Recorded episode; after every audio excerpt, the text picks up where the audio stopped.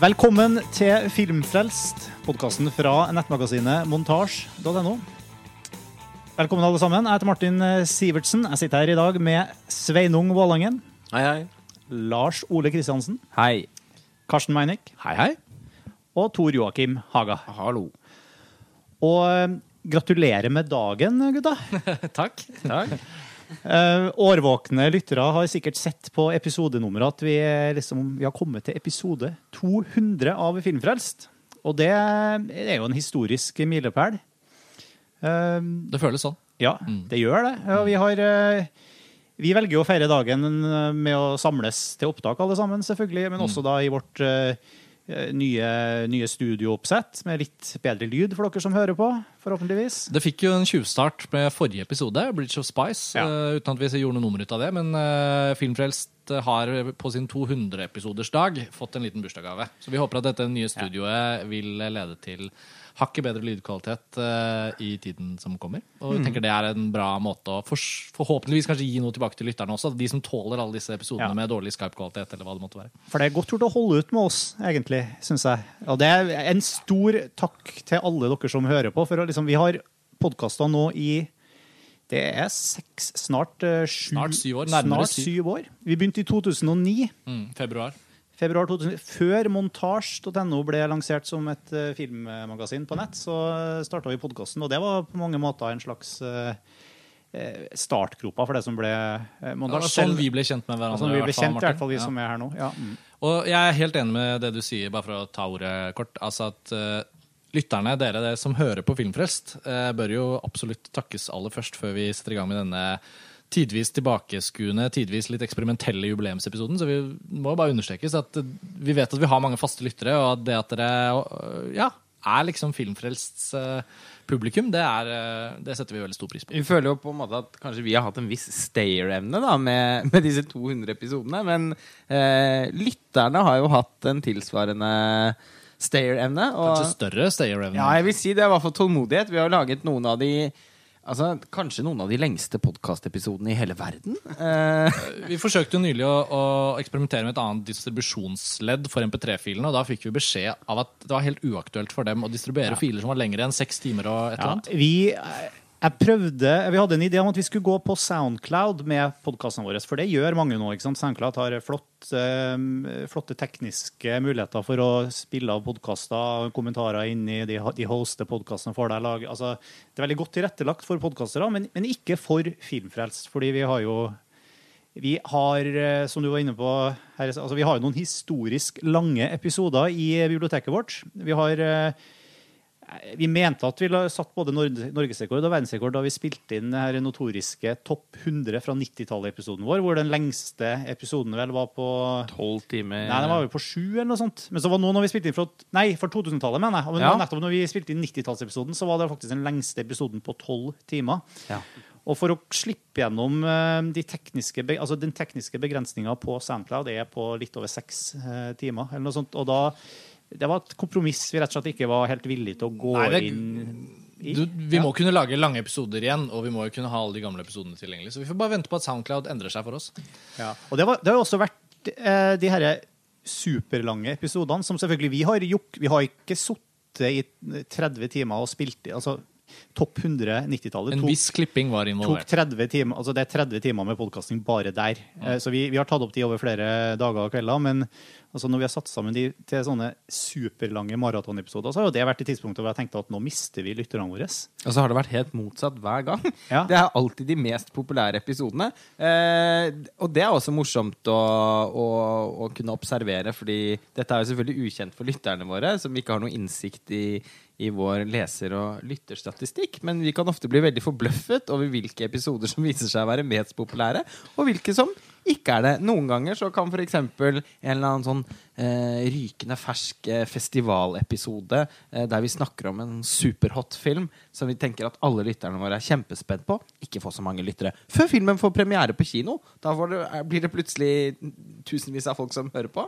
Eh, og så kan vi lage en episode som vi tenker at denne her er nok virkelig for de spesielt interesserte. For eksempel så lagde vi nylig en episode om Yasuhiro Ozu og japansk film. Så vi tenkte at den er nok kanskje ikke alle lytterne som, som umiddelbart trekkes mot det. Det er vel den mest populære episoden vi har laget på en, en par måneders tid. Eh, Så det er ofte veldig uforutsigbart hva som fenger lytterne våre. Og eh, er det noe vi har lært, i hvert fall, så er det at alle de fordommene vi måtte ha om hva som blir for tungt eller hva som blir for langt, aldri stemmer. Nei, jeg tenker at Det er også argumentet for å holde Filmfrelst så fritt og lekent som mulig. Da. At ikke det er noen forskjellige rammer. Og, og 200. episoden som vi snakker er i nå, den er jo definitivt ikke den siste. Da. Dette er jo egentlig bare et jubileum, og så skal vi fortsette i full speed fra og med neste uke igjen. Vi skal Men, fortsette å podkaste. eh, Ja. Og podkast er jo blitt fryktelig populært plutselig nå. Det er liksom også, synes jeg, er sånn paradoks å sitte Ja, og forholde seg til. Nå spretter det opp podkaster overalt. Altså, du kan ikke ha en lokalavis i Norge lenger uten å ha en eller annen podkast om et eller annet spesifikt nisjeemne. eller hva det skulle være. Og liksom bare de siste, jeg føler nesten bare, de siste, bare i år. liksom, så nå, liksom, Morgenbladet har starta podkast.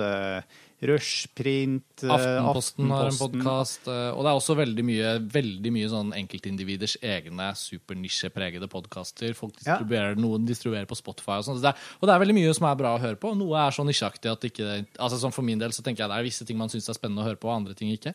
Men eh, vi har jo da blitt litt sånn veteraner i gamet, og det er også litt sånn gøy å tenke Jeg på. bare sånn liten triv... Jeg, jeg spilte inn min du var jo- første podkast, altså IT-avisen, som jeg har en fortid i. Vi inn, eh, jo- vi begynte å lage podkaster i 2005, og det er faktisk ti år siden. Og hadde liksom over 100 episoder der, og det var jo sånn fire år senere som begynte vi med montasje. og Men, men eh, altså bare Og da var det jo Da visste da ante jo ikke folk hva podkast var engang. Da var det inspirert av at eh, det var jo ting man holdt på med i USA, først og fremst. Så, så det betydde jo også at når man lagde noe sånt, så var det eh, Veien til førsteplassen på iTunes og sånn var utrolig kort. ikke sant? Du trengte, Det var ingen andre eh, i Norge som holdt på med sånne ting. da. Så, men, mens nå er det jo eh, nå er det jo ikke bare i Norge at det, på, men altså det er jo mainstream eh, på et, og, kanskje mye fuela av det her eh, altså massemedia og, og de store ehm, altså Alle store nettsteder og, og nyhetsorgan og sånn har også tatt tak i det etter at det har kommet noen sånne veldig populære Ja.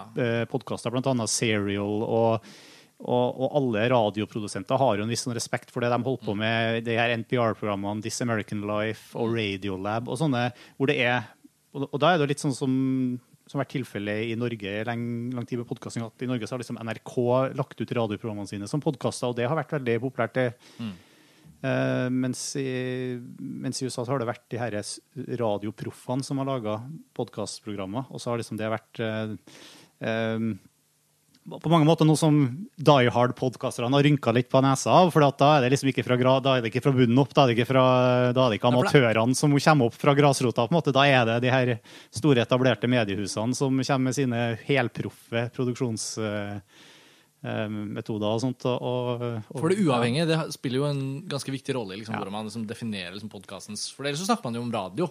Ja. Og det er jo utrolig likt, selvfølgelig, men det er noe med det at nettets eh, frihetsskapende teknologi gjorde Mm. jo at liksom eh, alle med en lydopptaker og noe å snakke om, kan i bunn og grunn eh, lage en podkast. Og det er gøy, jeg syns det er gøy å tenke på at Filmfrelst kom, sprang ut av et veldig sånt eh, selvsagt behov for å ville snakke om filmer etter at man har sett dem. Som jeg husker du beskrev det som da du foreslo ideen for oss. eh, Ja, det er jo det møtes rundt et bord og med en øl og prate om filmen når man nettopp har sett Ja. det. Det er som liksom grunnideen. på en måte. Ja. Og etter 200 episoder så har vi jo også holdt veldig fast, synes jeg, på den derre Akkurat som i, i dag, da, hvor vi sitter rundt et bord, riktignok ikke over Skype, men på samme sted, i et uh, nyskapt studio. Men, men uh, over de 200 episodene så har jo også Filmfrelst lagd veldig mange egne sjangre. Altså, vi har disse enorme listepodkastene som vi har gjort i hvert fall to ganger. Og så har vi årslistepodkasten som også har litt sånn sin egen preg. Og så noen ganger, særlig Lars Ole og jeg, er jo da går gårde på festivaler og tar, tar opp episoder. Noen ganger er Sveinung med, og vi, vi står i køen i Cannes, eller hva det skulle være. Så, uh, Når man går tilbake og hører på noen av de episodene, så har de et veldig annet preg enn de mer sånn rundebordsbaserte. da. Så snakker vi om gamle filmer, og så snakker vi om nye filmer, og så snakker vi om filmåret, altså episodene om 1994 og 1999 for eksempel, eh, ser jeg tilbake på med, med nostalgi. Ja, og så har vi hatt noen flotte gjester på Filmfrelst opp igjennom. Joakim Trier har vært gjest. Ole Jævre har vært gjest noen ganger. Andrew Grant, Filmbrain, har vært gjest noen ganger og tatt engelskspråklige episoder. Som, Christian Mungård. Ja, danske Eh, Christian Mungård. filmkritikervenn. Eh, Og så må det også sies at en Filmfrelst-episode ikke faktisk eksisterer på Filmfrelst, for vi alle var jo gjester på podkasten til Tor Joakim, eh, så egentlig kan jo dette kategoriseres som en episode 201, da, men det var jo veldig fint å kunne være gjester over hos deg.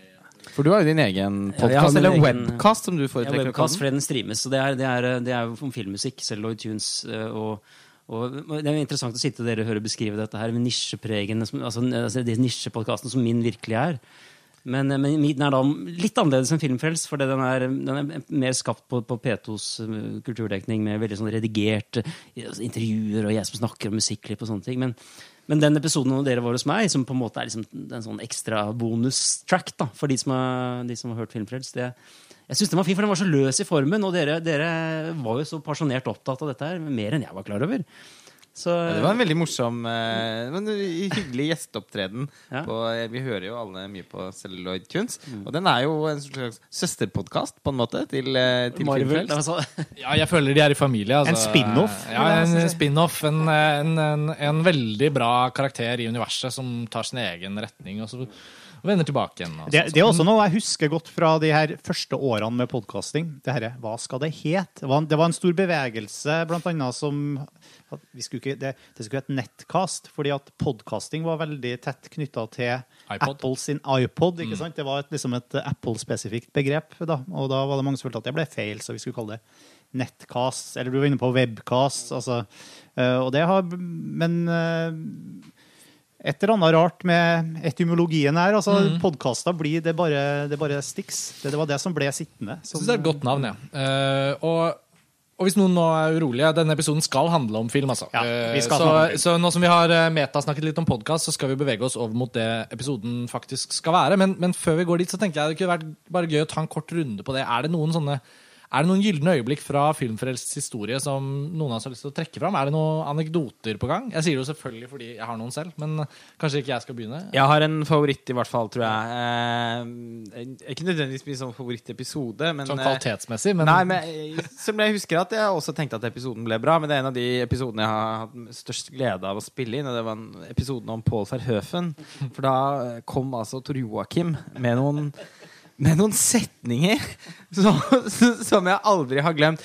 Ikke minst eh, så, så snakker du om hans bruk av lys og skygge. Og hvordan Og så kommer plutselig en penis dramatisk inn fra venstre. setning som aldri har vært sagt før, tror jeg. Helt vanvittig å si! Du sa det med et veldig alvor. det var episode 101, faktisk. Var det det? Ja. Ja. Nei, men jeg, den, jeg deler den, Lars Ole. Det var også en av mine jeg- Ikke bare fordi, fordi jeg har et nært forhold til regissøren og sett alt han har gjort, og sånn, men fordi det var så mye energi, følte jeg. Det var liksom, var sånn, han er en sånn regissør som man kan, man kan gi og ta litt, og, og, og, mm, både snakke litt flåste og litt seriøst om, og alt dette her. Ja, altså hans, Måten han er på som filmskaper, spritet opp den episoden på en veldig positiv måte. Det er veldig sant, Episoden speiler litt Ferhøfens Ja. filmografi, egentlig. Og eh, jeg ble også husker jeg ble litt sånn slått i bakken over hvor Verhoeven-kompletist eh, du var. Eh, og, og du, så ydmyk som du nesten alltid er, da. Eh, så, så sier jeg men, altså, du, har jo, ja, men du har jo da sett alt. Nei, nei, jeg har ikke sett alt. Eh, Det, det er en sånn TV-serie han lagde. Så jeg faktisk bare sett et par episoder. Å ja.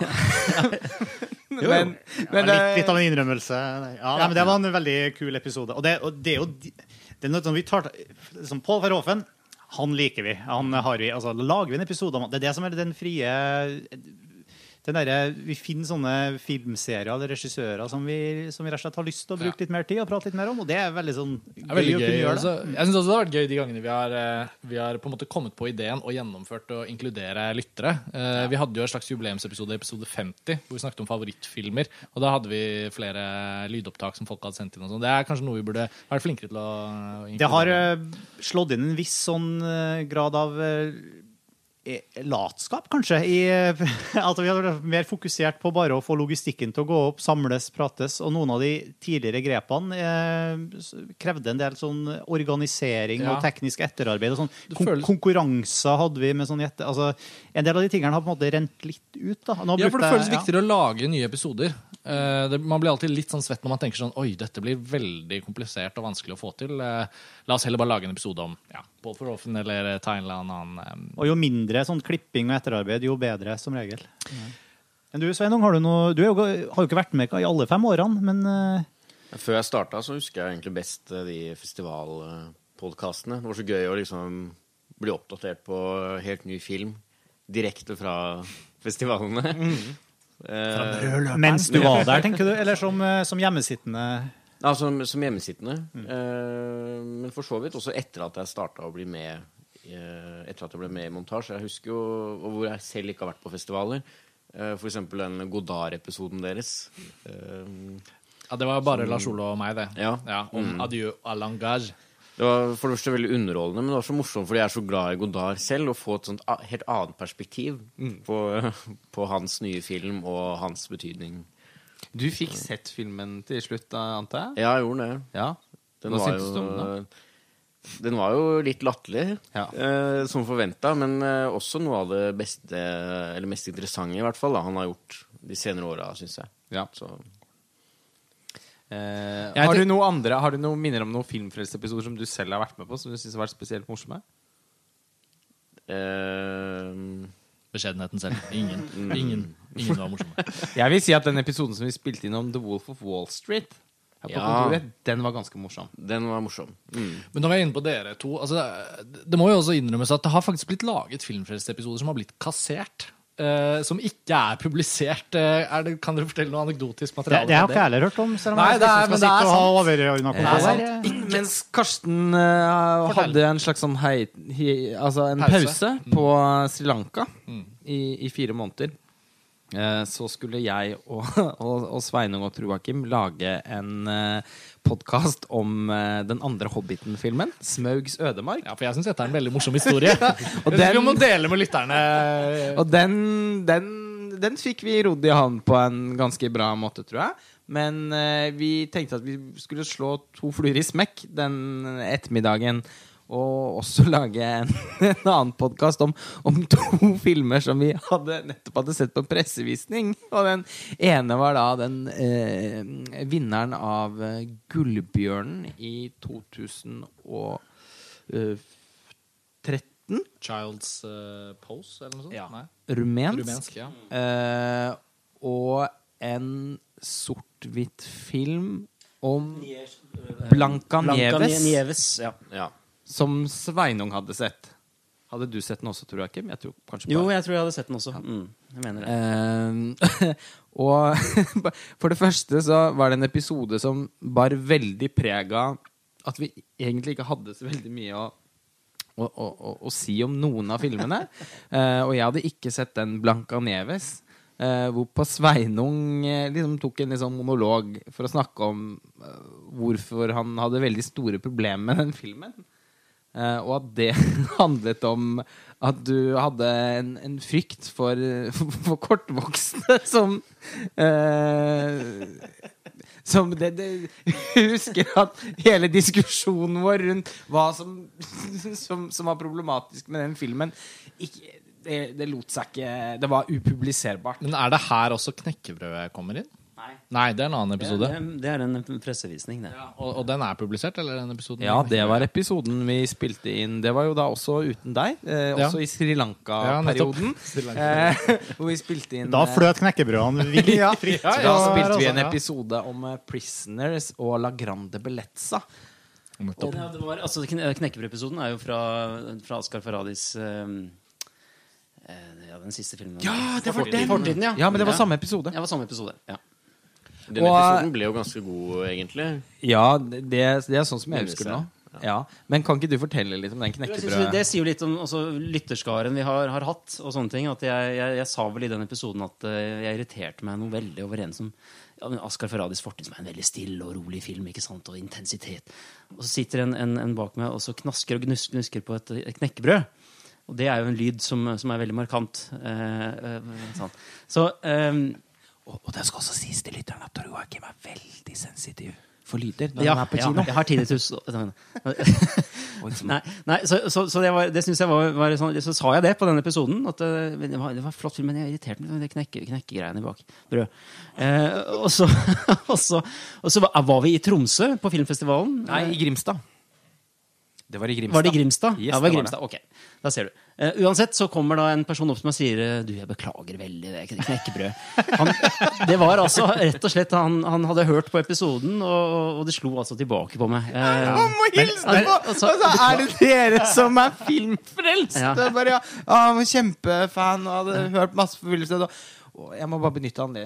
Hei. Eh, og, og hilste litt sånn spesielt på Tor Joakim, og, og erkjente sine, Men altså, knekkebrød er jo ikke innafor kinoetikett. han, var, han, var, en veldig hyggelig fyr. Veldig hyggelig fyr altså. han, eh, var, det var ikke noe vondt ment, og det var, alt var fint. Men eh, det var bare morsomt. ja, Jeg må, bare, jeg må bare skyte inn da at det er også For å kanskje avslutte anekdotesekvensen her, så ja. bare en annen sånn Et møte med publikum da, som jeg syns var litt rørende.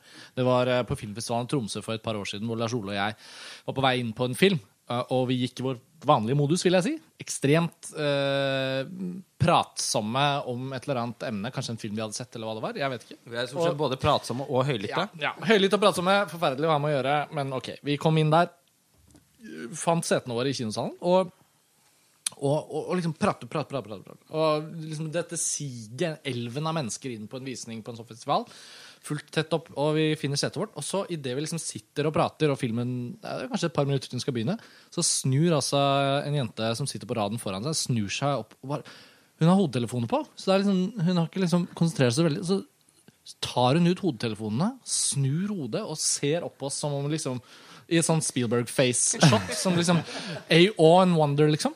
Og så ser man sånn Er dere filmfrelst? Ja, eller hei. Jeg sitter her og hører på en episode av Filmfrelst med dere. Og så hører jeg bak meg at dere snakker også i det virkelige livet på raden bak meg. Det, ja, det var en veldig Da ble jeg også rørt, da, for det er så hyggelig. Øyeblikk. Så Berømmelsens øyeblikk. der, ja, så før vi går videre, så vil jeg bare avslutte med å si at da alle dere lyttere som eventuelt støter på oss eller ser oss her eller der, det er utrolig hyggelig å høre bare sånn i det virkelige liv, da, når folk kommer bort og sier om de er enige eller uenige i det vi snakker om, eller liker eller ikke liker Filmfrelst, så er det setter veldig alltid veldig pris på ja, lyttere er- som kommer bort og tar kontakt. Så gøy. hvis vi for eksempel skulle være Hvis noen av dere for eksempel skal til Tromsø i januar, så håper vi at dere kommer bort og slår en prat. Ja, vi du hadde også en slags lett- anekdote, Martin. Jeg Ja, jeg, bare, jeg kom bare på én ting som liksom indikerer Vi har holdt på i to, 200 episoder. Liksom, hvis vi, altså, bare, jeg kom på å tenke på at Nylig så vi skulle lage en episode i forbindelse med Terminator, eh, Terminator Genesis, Ja. som gikk på kino. Da var det var ikke sånn god idé. Åh, nå har det kommet en ny Terminator-film. Vi er jo veldig glad i Terminator-filmene. alle sammen, ikke? Skal vi ikke lage en ordentlig episode hvor vi liksom tar hele Terminator-universet? Og kan liksom alle, hele filmserien, og hva er forholdet til de filmene? Kan, da har vi en sjanse til å gå gjennom alle filmene og liksom snakke litt om det. Og alle sammen var enige om at det var en kjempegod idé, så det skulle vi gjøre. Og vi, vi tok jo til og med, og liksom, før vi begynte å snakke om Genesis, da, så, så liksom, måtte vi liksom gå gjennom den serien. Og, og så det var først etter at det opptaket var gjennomført, og liksom vi skulle ut og publisere episoden og sånn, hvor jeg da liksom Men eh, jeg begynte å, begynte å søke da på montasje, for å liksom, når vi driver og publiserer og skal legge inn filmtitler og skrive inn artikler. Sånn, så. Oi, vi, det her gjorde vi jo faktisk ved sist gang det kom en Terminator, Terminator Salvation. Så gjorde vi faktisk akkurat det samme. Da spilte vi inn en egen episode i forkant Ja, da- hvor vi hadde gjort akkurat det samme. Sånn.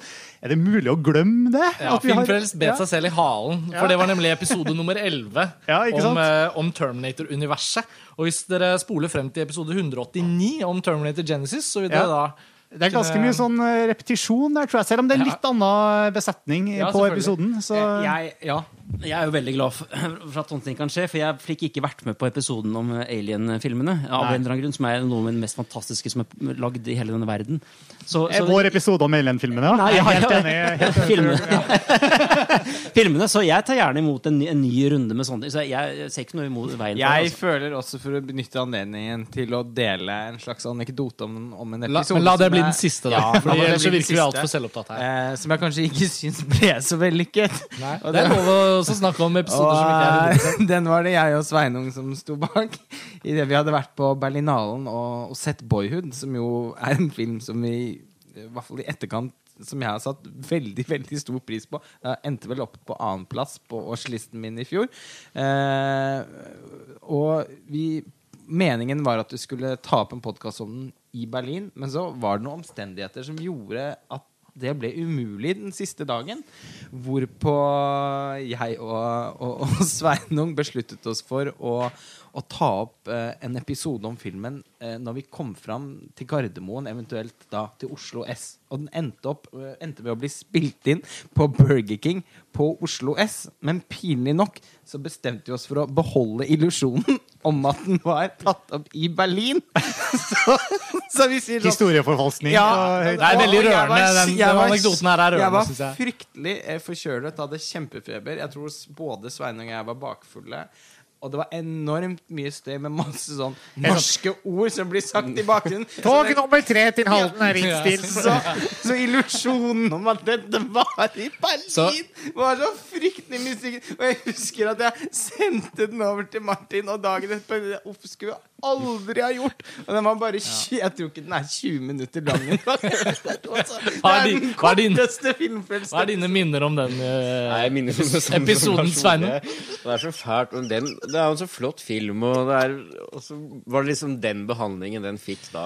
Jeg tror det er nå- den offisielt eh, svakeste filmfrelseepisoden. Og for å nyansere vårt blikk på oss selv, så er det jo faktisk ikke alltid vi er like strålende fornøyd med absolutt alle episodene vi gjør. Nei, Men jevnt over så gjør vi vårt beste for at Filmfrelst skal være så bra som vi ønsker at det er. Og jevnt over så får vi også positive tilbakemeldinger på det vi gjør. Ja.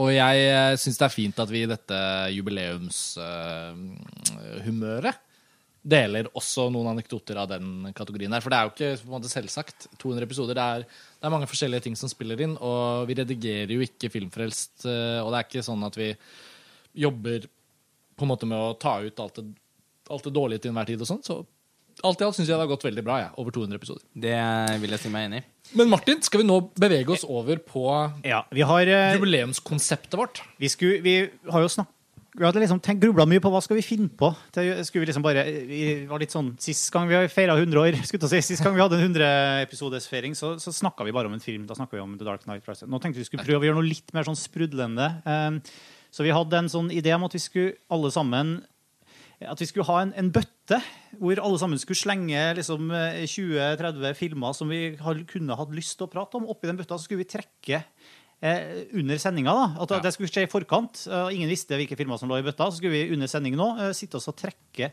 en film fra den bøtta som vi skulle prate om i 200 sekunder. Bare Ja. for å beholde den 200 Og den som trekker filmen, begynner samtalen om filmen, men alle har anledning til å komme med Ja. innspill. Ideen startet jo også i jeg, jeg tror vel det var kanskje jeg som foreslo at vi snakker om 200 filmer. Ja. 200 forskjellige filmer, Og så begynte vi å regne på det sånn Ja, da blir det ti timer langt, eller hva, hva, kanskje mer. ikke sant? Så, det, så ideen har liksom beveget seg litt fra det ene til det andre. Men tanken var jo litt å leke litt med dette med at vi alltid skal snakke så veldig lenge om en film. Og at vi heller tar 200 sekunder om hver film. Og så For vi, for vi mange pleier jo å prate sånn i en halv time om en film, og sånt, og det, det får vi ikke lov til nå. Så nå, og, og Det er også litt en sport, da, ikke sant? Fordi det hender jo Det kan jo da hende at den som trekker filmen, og som får oppgave i oppgave å igangsette samtalen, kanskje ikke har sett den. Eh, Ja. Og kanskje er det flaut å ikke ha sett den. Og nå skal vi også kle oss litt nakne. Så vi har Avsløringer. Ja, det blir avsløringer. Med, vi følger opp det vi allerede har nå innledet med. Eh, ærlige avsløringer om livet på innsiden av Filmfrelst. Det er en liten catch. Vi har altså ikke en fysisk bøtte her. da. For vi, Jeg har jo fått alle de filmtitlene fra dere tilsendt på mail, og sånn, så da begynte jeg skal, skal jeg liksom virkelig sitte her og så skrive ut på papir, eller sitte med Post-It-lapper og overføre de, alle de titlene, og så brette lapper og bøtte. Så, så isteden har vi, har vi mata alle de hundre alle de, Vi har har 100 kodet en bøtte, rett og Ja, slett. ko- vi har en virtuell bøtte på en laptop her i studio, hvor vi har mata 105 filmtitler inn. Så de ligger nå. og og det, øh, det Vi skal gjøre nå, vi skal liksom trykke på en stor knapp på skjermen. Det er jo sånn, ikke spesielt radiovennlig, det her, så det er lagt på noen lydeffekter her. bare for at vi skal få litt sånn effekt ut av det. Men øh, det er en stor knapp på skjermen som det står 'trekk fra bøtta'. og Da vil det være en bitte liten sånn nedtelling, og så vil det dukke opp en tilfeldig film på skjermen fra bøtta. Uh, og da vil vi selvfølgelig da lese opp eh, for dere som hører på, hvilken eh, filmtittel det er. Og så eh, skal vi prøve, den som trekker, da, skal si de første ordene, og så skal vi prate i 200 sekunder om den filmen. Eh, Før vi går videre. før vi går videre til neste film. Og så gjør vi det til vi eh, finner ut at det her funker ikke, eller at eh, vi går lei eller et eller annet til vi dropper slitsom ut, Og det, er utslitt på og det skal sies, at dette er ikke et innøvd konsept. Vi vet ikke helt hvordan det kommer til å gå. Så om vi kommer til å forholde oss liksom nazistisk til reglene, eller om det kommer til å flyte ut, det kan vi ikke vi forutse. Men dette er liksom Og det kan også tenkes at det programvaren jeg har skrevet her, krasjer midt så vi, det får vi bare se Ja. hva som skjer. Og samme skal- film kan ikke komme to ganger. Jeg håper virkelig ikke det, men det, Det er umulig, det kan skje, fordi vi har har jo alle foreslått filmer uten å si fra til hverandre, så dette vet vi jo ikke. Ja, Men, sånn, ja. Ja. men samtidig så er jo disse filmene som er du- foreslått, kommer jo fra oss internt. Så, så, så det er jo sikkert ikke så er, store når du sier det nå, Sveinung, nå kan jeg faktisk tenke på Jeg har faktisk ikke lagt inn noen sperre som skal forhindre at samme filmen blir plukka flere ganger. Så hvis det skjer, så får vi bare trekke på nytt. Ja. Eller bare snakke om den en gang til. Da, i 200 sekunder. Det For eksempel. er mulig, det òg. Jeg tipper vi har ting å si. Jeg tror ikke vi kommer til å komme oss gjennom alle de 105 filmene Nei. Det er 105 filmer i bøtta, i hvert fall. Og Skal, altså, sånn som på måten vi sitter rundt bordet på, skal Sveinung trekke den første. Helt enig. Sveinung, da må du nesten reise deg, og så må du gå fram til skjermen her, og så må du trykke på knappen som du så trekker ja, men da, altså, ja, så er det nedtelling, ja. Sånn, Ja. Okay, greit. Da tar det fem så han sekunder. rekker tilbake til mikrofonen Ja. sin. Ja. Okay. Jeg vil også Greit. skyte inn at Tor Joakim og jeg deler mikrofon for anledningen. Så hvis det blir litt sånn bevegelig lyd hos oss to, så er det bare, bare regn det som sjarm. Ja, for jeg har bare fire mikrofoner i, i studio, og vi er fem stykker. Mm. Ok, da setter vi i gang. Skal eh, du, Martin, si navnet på filmen, eller skal jeg? Jeg, eh, ja, jeg Martin kan, kan det. si navnet på filmen. Mm. Har jeg en jobb, jeg òg. Hver gang. Ok, da trykkes det.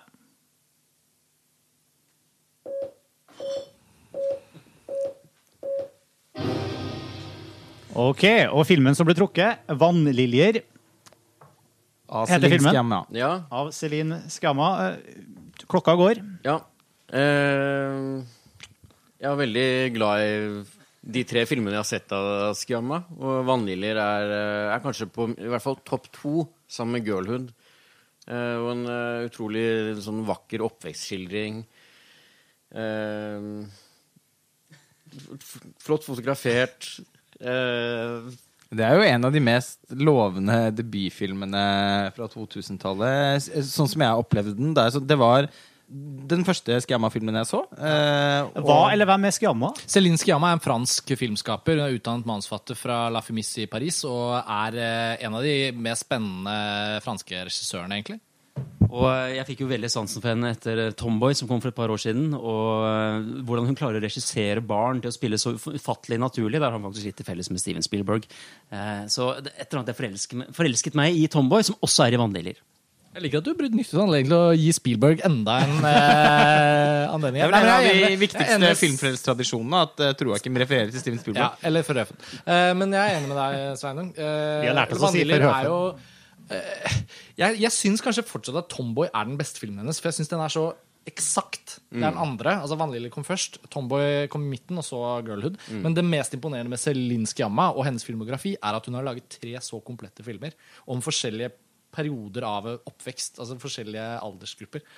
Ja, det er jo hennes oppveksttrilogi, på en måte. Eh, Tomboy er jo eh, overgangen mellom barndom og ungdomsliv. Eh, og 'Vannliller' er jo på en måte Og, og Girlhood er liksom ungdomsfilmene. Det er mer sånn Men Girlhood er den mest voksne.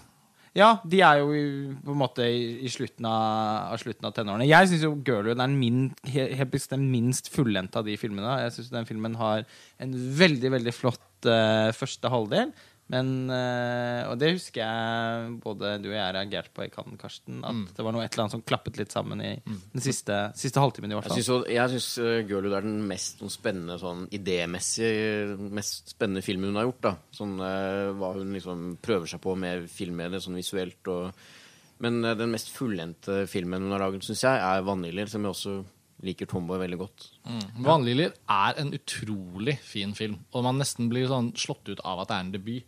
Den Ja. har så komplette uh, visuelle og narrative liksom, elementer som hele tiden fungerer ekstremt sånn effektivt og strukturert, men som aldri liksom, gjør seg synlige på bekostning av poesi eller stemning eller alle de tingene som egentlig er det beste med film.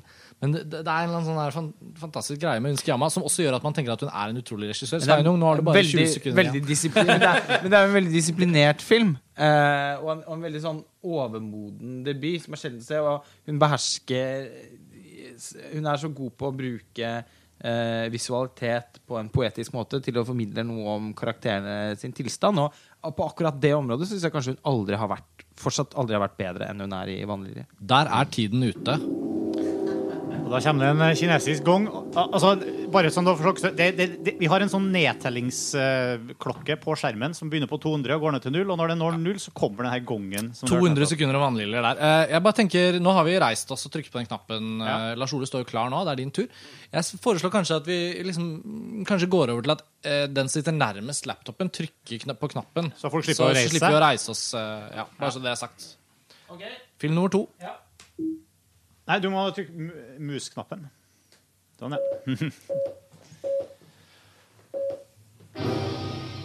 Oi, oi, oi. Der ble det The Texas Chainsaw Massacre.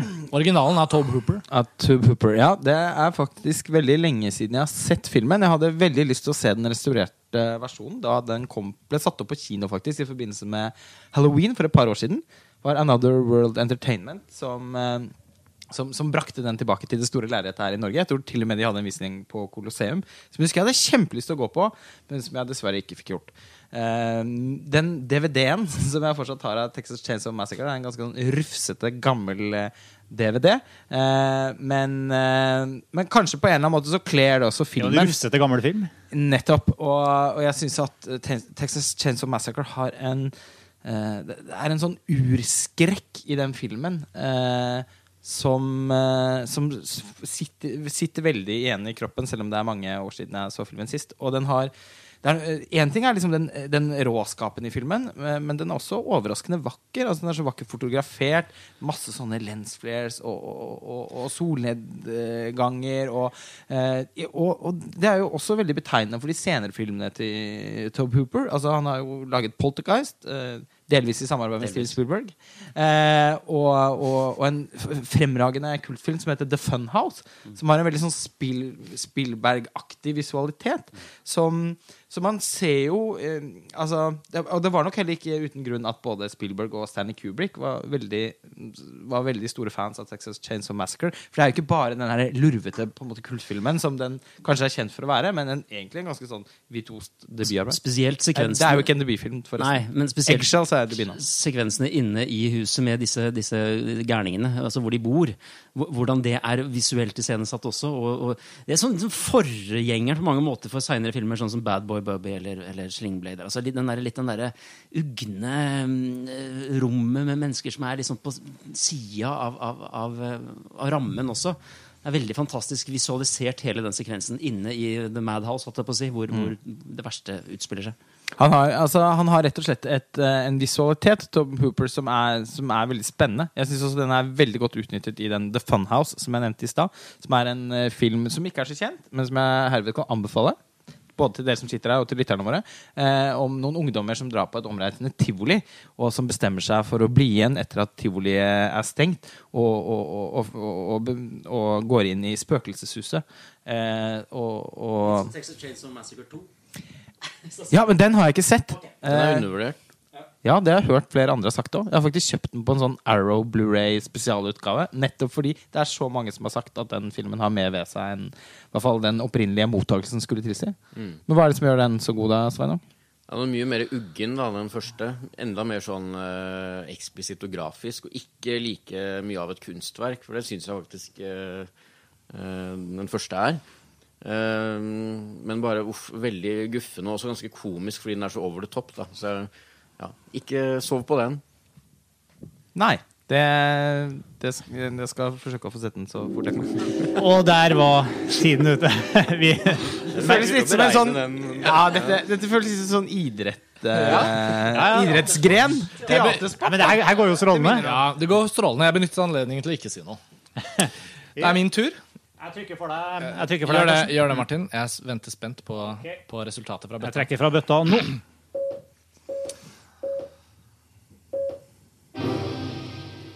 Og der trakk vi Butch Cassidy and The Sundance Kid. Butch Cassidy and The Sundance Kid. Regissert av Hill. Ja, George Roy, George Roy, George Roy Hill. Uh, og den har Paul Newman og Robert Redford, hvis ikke jeg husker feil, i hovedrollene. Uh, og dette er en av de uh, berømte filmklassikerne som jeg ikke har sett. Og det er rett og slett like greit å komme i gang med det. Jeg ser for meg at denne episoden og formatet vi har valgt, kommer til å avsløre på en litt sånn herlig måte filmer man kan ikke ha sett. Og jeg er den første til å innrømme at det ikke gjør noe å innrømme. At man ikke har sett en klassiker. Fordi det er så mange fantastiske filmer som fortsatt venter på å bli sett.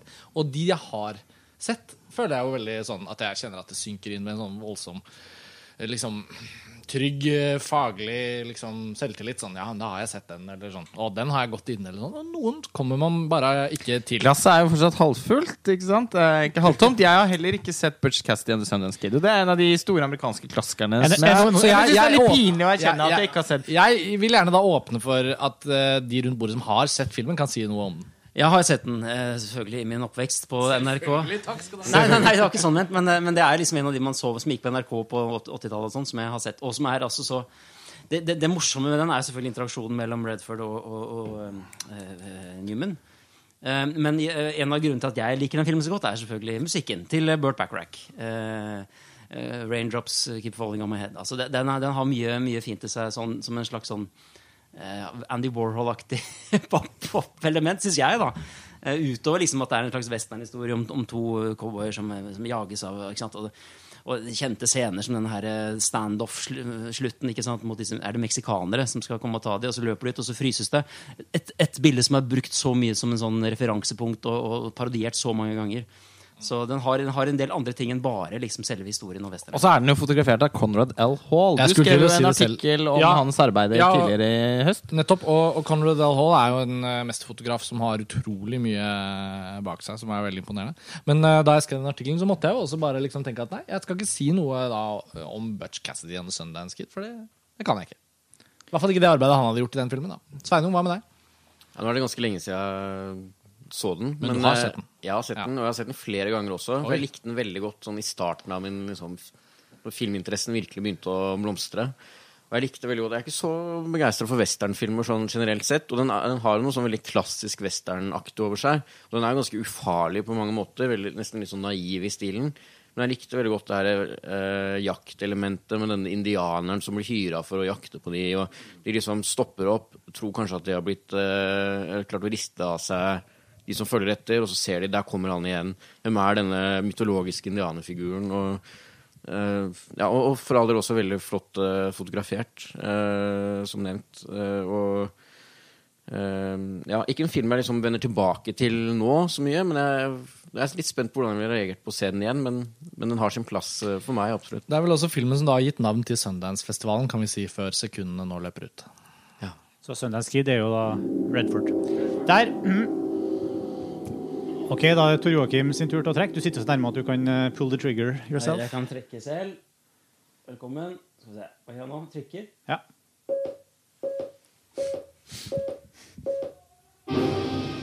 Oi, oi. Der trakk vi Tutsi fra 1982 med eh, han eh, Dustin. Dustin Hoffman, Ja. selvfølgelig. Mhm. Nei. Det er, det er jo litt sånn vanskelig å snakke om sånne klassikere og så si noe sånn veldig nytt og revolusjonerende og sånn om det. For det er spesielt en film som Tutsi, som, som spiller på kjønnsroller og stereotypier og, og sånne ting. Eh, Er selvfølgelig en film som er litt produkt av sin, sin tid. eh, hvor det var, eh, altså det, Man ville gjort det litt annerledes i dag. Det er liksom ikke så morsomt med en mann som kler seg ut som dame, og, som, og det gjør for å få jobb og for å få ting til å fungere enklere. Men, eh, men den er veldig sjarmerende, og, og mm, det er ikke min favorittfilm med, med Dustin Hoffman, men han, han får lov til å spille på en del strenger her. Litt sånn med Robin Williams i Mrs. Doubtfire, som, som også viser hans spekter som, som skuespiller, som kanskje er, det som er, er hovedverdien i det, vil jeg si. på mange At det er en vehicle for eh, Det er jo en, det er en vehicle for Dustin Hoffman, sånn som Rain Man og sånne andre. Men det er også en veldig sofistikert, både skrevet og, og iscenesatt film. Jeg hadde gleden av å se Tutsi for første gang eh, i sommer og ble helt slått i bakken av, eh, av hvor god den filmen var. Jeg syns faktisk det var et mesterverk. Eh, Første gang i dag. ja. Altså, både altså produksjonsdesignet og, og Owen Roysman eh, sitt foto og, og Sidney Pollack sin sånn superklassiske, men veldig elegante fortellerstil. Eh, vittig og rød Altså et, et ordentlig vittig og skarpt manus, syns jeg. Og en rørende eh, fortelling. Og en helt, helt, helt fantastisk hovedkarakter. Jeg, har aldri, jeg må bare si Jeg har aldri sett Dustin Hoffman så god som i den filmen. Og det er ikke bare fordi han er god på Woohoo! den her eh, Tutsi-rollen. Jeg syns også han er veldig god i de sekvensene hvor han, eh, hvor han ikke er Tutsi. Og, og måten man ser at han eh, noen ganger er oppriktig plaget av å ha på seg det kostymet og er nødt til å opprettholde den rollen på, synes jeg det er både en kilde til stor komikk og overraskende gripende. Ja, jeg skulle også den filmen som først og fremst veldig godt skrevet og veldig godt spilt. Og nå er den filmen fra 1982, men den har noe sånn amerikansk 70-tall over seg som, eh, som jeg liker veldig godt. Og Ikke minst Dave Grusin sin musikk. Ja, Ding, ding, for ding, eksempel. ding, Og den ikoniske scenen hvor hun, som er også parodiert mange ganger, hvor hun går nedover et, eh, en gate, med, og liksom, hun hun er en del av, av denne her. Hun glir inn i, i resten av samfunnet. Som er sånn, litt sånn, litt sånn der Black Exploitation-scene, føler jeg. Det er sånn, Uten sammenligning for øvrig. Jeg har alltid, alltid tenkt at den er, minner meg litt om det. Men eh, ja, Så jeg ser den der 70-tallsparallellen. Mm. Ja, Tutsi er en jævlig bra film. Det kan jeg også skyte inn. Jeg har sett den, altså Hvis noen tror at nå blir sånn at Karsten skal være han som ikke har sett filmer. Jeg syns jo også at de siste 20 sekundene kan brukes på å trekke fram noen andre filmer hvor liksom crossdressing eller sånn transvestitt-tematikk eh, kommer veldig godt frem. da. Lawrence Anyways av Xavier Dolan er jo en film som, som melder seg. Som jeg sitter og ser på. Vi har en plakat av på Mrs. veggen her. Ja. Mrs. Mrs. Doubtfire. Mrs. Doubtfire, selvfølgelig, som vi allerede har vært innom. Eh, Det var en svensk film i fjor, var det den het? Noen tin Must Go Under? eller noe Ja, sånt. den var veldig bra. Er det noe crossdressingen her? Birdcage? Er det noe sånt? Det er det også. Eh, Nå er vi tom for tid, da, dessverre, men det er et interessant tematikk. Det er sånn Den eneste Filmfrelst-episoden hvor ting blir avsluttet jævlig raskt. Det var morsomt, dette her. Eh, er Kanskje vi bør begynne med det som fast? eh, At vi har en sånn timer eh, til de Ja, vanlige altså sendingene sånn? Litt sånn som på Trivial Pursuit, at man har den der tikkeklokka. På de Ja. nyeste utgavene av Trivial Pursuit så har de inkludert et sånt tikk-takk, tikk-takk. Sannsynligvis fordi de har fått tilbakemeldinger på folk som er frustrert over at det tar altfor lang tid. noen bruker veldig lang tid, andre ikke. Og, ja. Nettopp, ikke sant? Nå er det din tur, Martin. Du må trekke. Da skal vi trekke fra bøtta. Vi har ca. 100 filmer igjen som vi ikke har trukket.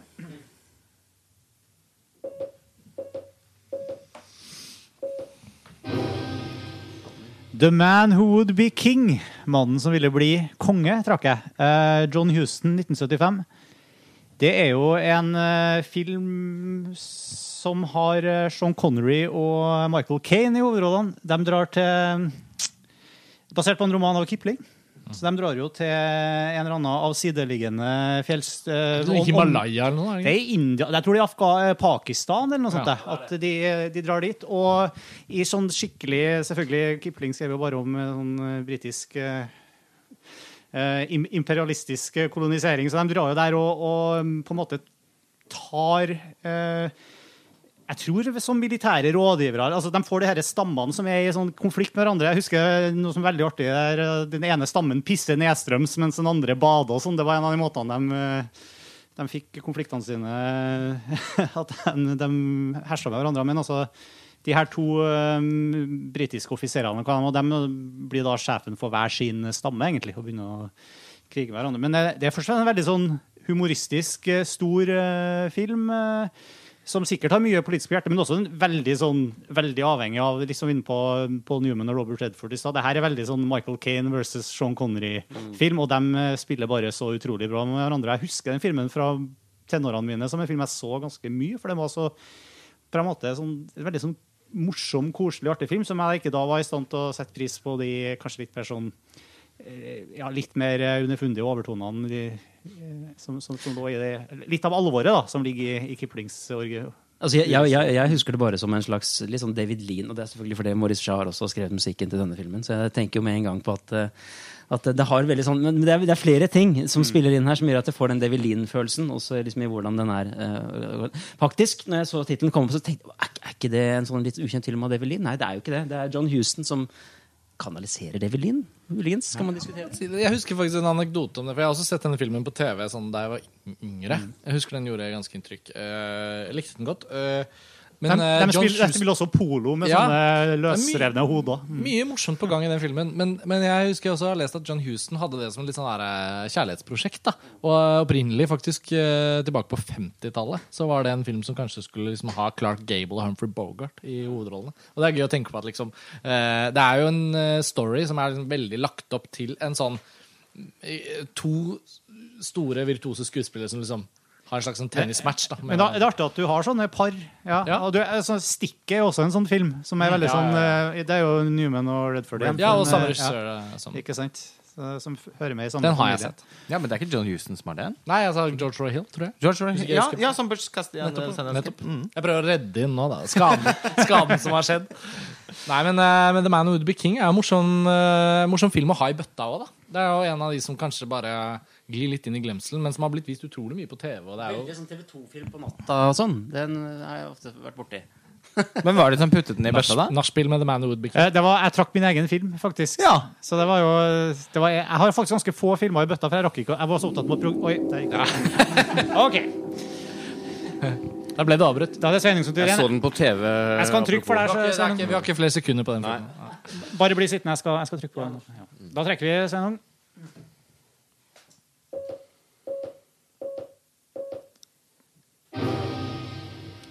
Du trakk 'Millions' av Danny Boyle. Morsomt. Den har jeg ikke sett.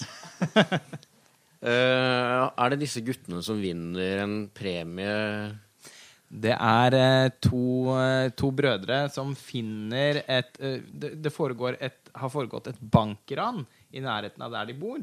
Eh, og så har disse røverne kastet seg på et tog for å slippe unna politiet.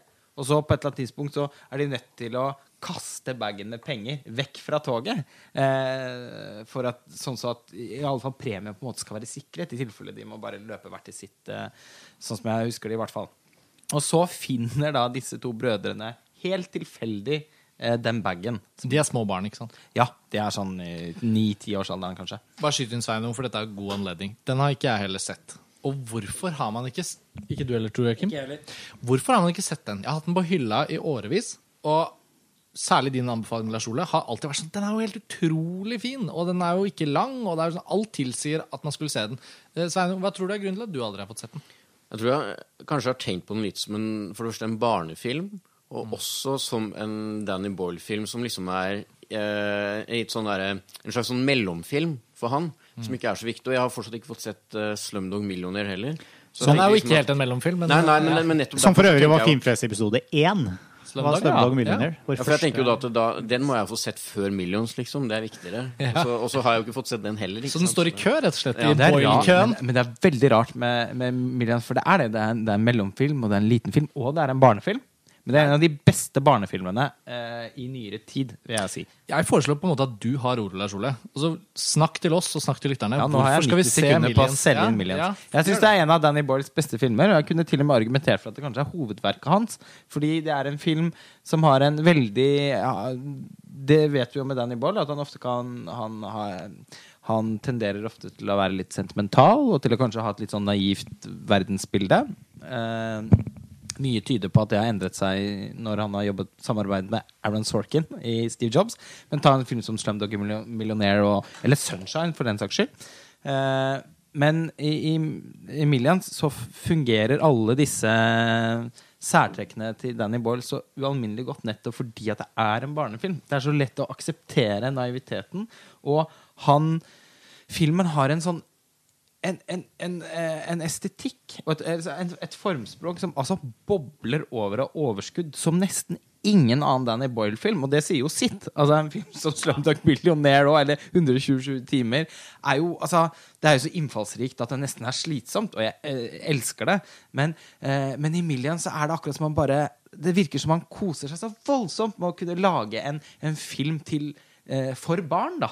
Eh, så, og jeg kan ikke forestille meg noen barn eller familier som ser denne filmen sammen uten å ha kjempestort utbytte av den. Og den har også en veldig veldig tydelig moral, men en veldig fin moral. Det er en barnefilm hvor liksom barna kan sitte tilbake med noe de kan tenke på. Og den er kjemperørende, og den er, og den er morsom. Jeg har sett den sammen med hele min familie. Eh, Både foreldrene mine og, og min nevø. Ja, nå, du, du har ikke lov til å snakke noe mer nå. Nei, nå nå- Tiden er ute. Alle gråt. gongen har eh, slått. Ok, Da trekker vi neste film her. Bøtta er klar.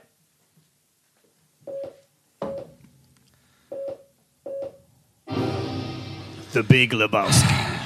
Ja, det var jo typisk at jeg skulle trekke den. Eh, jeg er vel en av de eh, jeg vet om i, i, i verden, kanskje, som har minst forhold til The Big Lebowski. Jeg har da sett filmen både to og tre ganger, men aldri vært noe spesielt fan av den. Men jeg har et litt sånn delt forhold til Coen-brødrene. Jeg syns at noen av filmene deres er helt ustoppelig bra. eh, som eh, No Country for Old Men og Fargo, og ikke minst The Serious Man. Som jeg syns er en ut, stadig undervurdert eh, og helt eh, fantastisk eh, skarp og morsom film. Det, det Humoren i The Big Lebowski har på en måte bare aldri helt uh... Du er ikke noe dude. Nei, jeg vet ikke. Det er, kanskje er det noe med den Jeg kan Det er en svakhet, absolutt, da. Men jeg kan ha det med å irritere meg over filmer som skaper en sånn liksom, populærkultur. Populær- referansekultur rundt seg selv. Som på en måte ender med litt å kvele filmen. Det kan jeg uh, ofte ha litt problemer med. Og det har nok kanskje kommet litt imellom meg og The Big Lebowski. At jeg har kjent så mange mennesker som syns at den filmen er, er liksom det helt store. Ja, for det, og det er jo noe med den altså, Jeg kjenner meg veldig enig i det der, med, med sånn, den kulten rundt en film som kan ende opp med å liksom Ja, ødelegge mer. Ja. Eh, jeg, men jeg syns liksom det blir litt urettferdig når det gjelder Big Lombowski. Jeg, jeg syns humoren i den filmen er veldig morsom, selv om den er litt sånn derre ja, litt, ja, og litt nerdete og Jeg vet ikke. Altså litt sånn derre jeg, Hvordan skal jeg beskrive det? Nei. Litt som hele den der Stolner-komikken og alt det der. Men jeg, men jeg syns det er ganske morsomt. Jeg syns det er en av deres beste filmer. Og jeg minner om at det var jeg som trakk den filmen Eller altså jeg la den oppi bøtta. For jeg, jeg, jeg tror kanskje noen eh, vil lure på hvorfor ikke den eh, var med på eh, 90-tallslisten, for. Ja. Og det er vel nettopp fordi at vi har hatt litt forskjellig forhold til den filmen innad i redaksjonen. Så det er litt morsomt å Ja, ja. Og- Men, men, men bra, har, bøtte, bra bøtteplassering. For, for, for det er jo en sånn corny Cohen. Altså, for Den har jo det stående The Dude, den kara, han eh, som går og loffer rundt i slåbroken hele tida. Teppet som pisses på. Ja, ikke sant? Men så har du jo i tillegg det her bowlingaspektet, som bare liksom er prikket, altså som er liksom den andre komponenten i filmen, som bare som gjør Jeg tror, jeg tror det er et eller annet med det særpregende filmen har gjort som at den har slått sånn an. For det er ikke bare en sånn stoner-artig film. Den har liksom så mye annen quirk ved seg. Og så er det jo ganske tøft gjort. Altså alle de der eh, altså det, det er jo en ordentlig, det er en ordentlig film. Noen av de. Busby Berkeley-aktige sekvensene også syns jeg er veldig flotte. da Med Julianne Moore og Det er ikke det. Det For syns den er har mange ikke uten en grad av surrealisme i sitt formspråk, og det syns jeg er ganske friskt å se da, i en Hollywood-film. eh, Når alt kommer til alt. Og jeg har et eh, hyggelig forhold til Lebowski, men jeg må jo si jeg er Team Lars Ole her. da. At eh, den har også liksom vokst bortenfor sine rammer som film. Jeg føler også at mange som er opptatt av Big Lebowski, er ikke opptatt av film. Og det syns jeg ofte er litt sånn irriterende. Ja, men Det kan man si om Apokalypse nå også. Ja, folk som bare og, og Boondock eh, Saints og andre sånne du, Boondock Saints var jo Den uh, kan man Heldigvis løp Man skal ikke sammenstille til Big Lebowski med Boondock Saints. Det, er grunnen til at dere Det blir urettferdig. Nå, er vi, nå skal vi ikke snakke noe mer om The Big Lebowski. Nå var det veldig mange spørsmål som ble stilt, og veldig få svar som ble gitt. Ja, det er en film som engasjerer, så den skal vi ikke snakke noe mer om. Min tur til å trekke fra bøtta. Da trekker vi neste film. Jeg venter i spenning.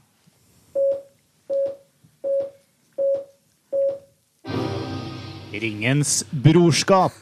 Fellowship of the Ring. Den har Ja. vi snakka om før på Filmfest. Men dette var litt hyggelig, syns jeg. Peter Jackson, eh, en regissør fra New Zealand, han eh, lagde Bad Taste, blant annet. Og, Og Brain Dead. Ja, og Brain Dead. Og, og ikke minst uh, Sorte engler. Heavenly Creatures. Heavenly Creatures. Og han lagde også en film som, uh, om spøkelser som heter The Frighteners. The Frighteners. Og så lagde han altså en adaptasjon av J.R.R. Tolkiens eh, store verk, eh, 'Ringenes herre', som består av tre filmer. 'Ringens brorskap', 'To tårn' og 'Atter en konge'. Så mye du kan Og- her, da. Ja, bare, bare hyggelig.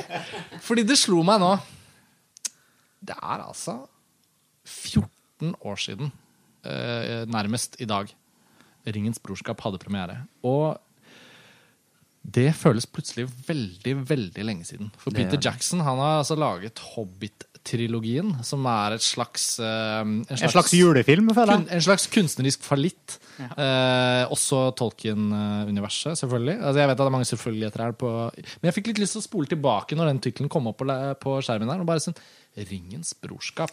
Vi må jo- Premiere midt i desember 2001. Og det var altså så bra da jeg så den filmen første gang. Kommer aldri til å glemme. Det var altså så bra. Jeg hadde ikke lest bøkene.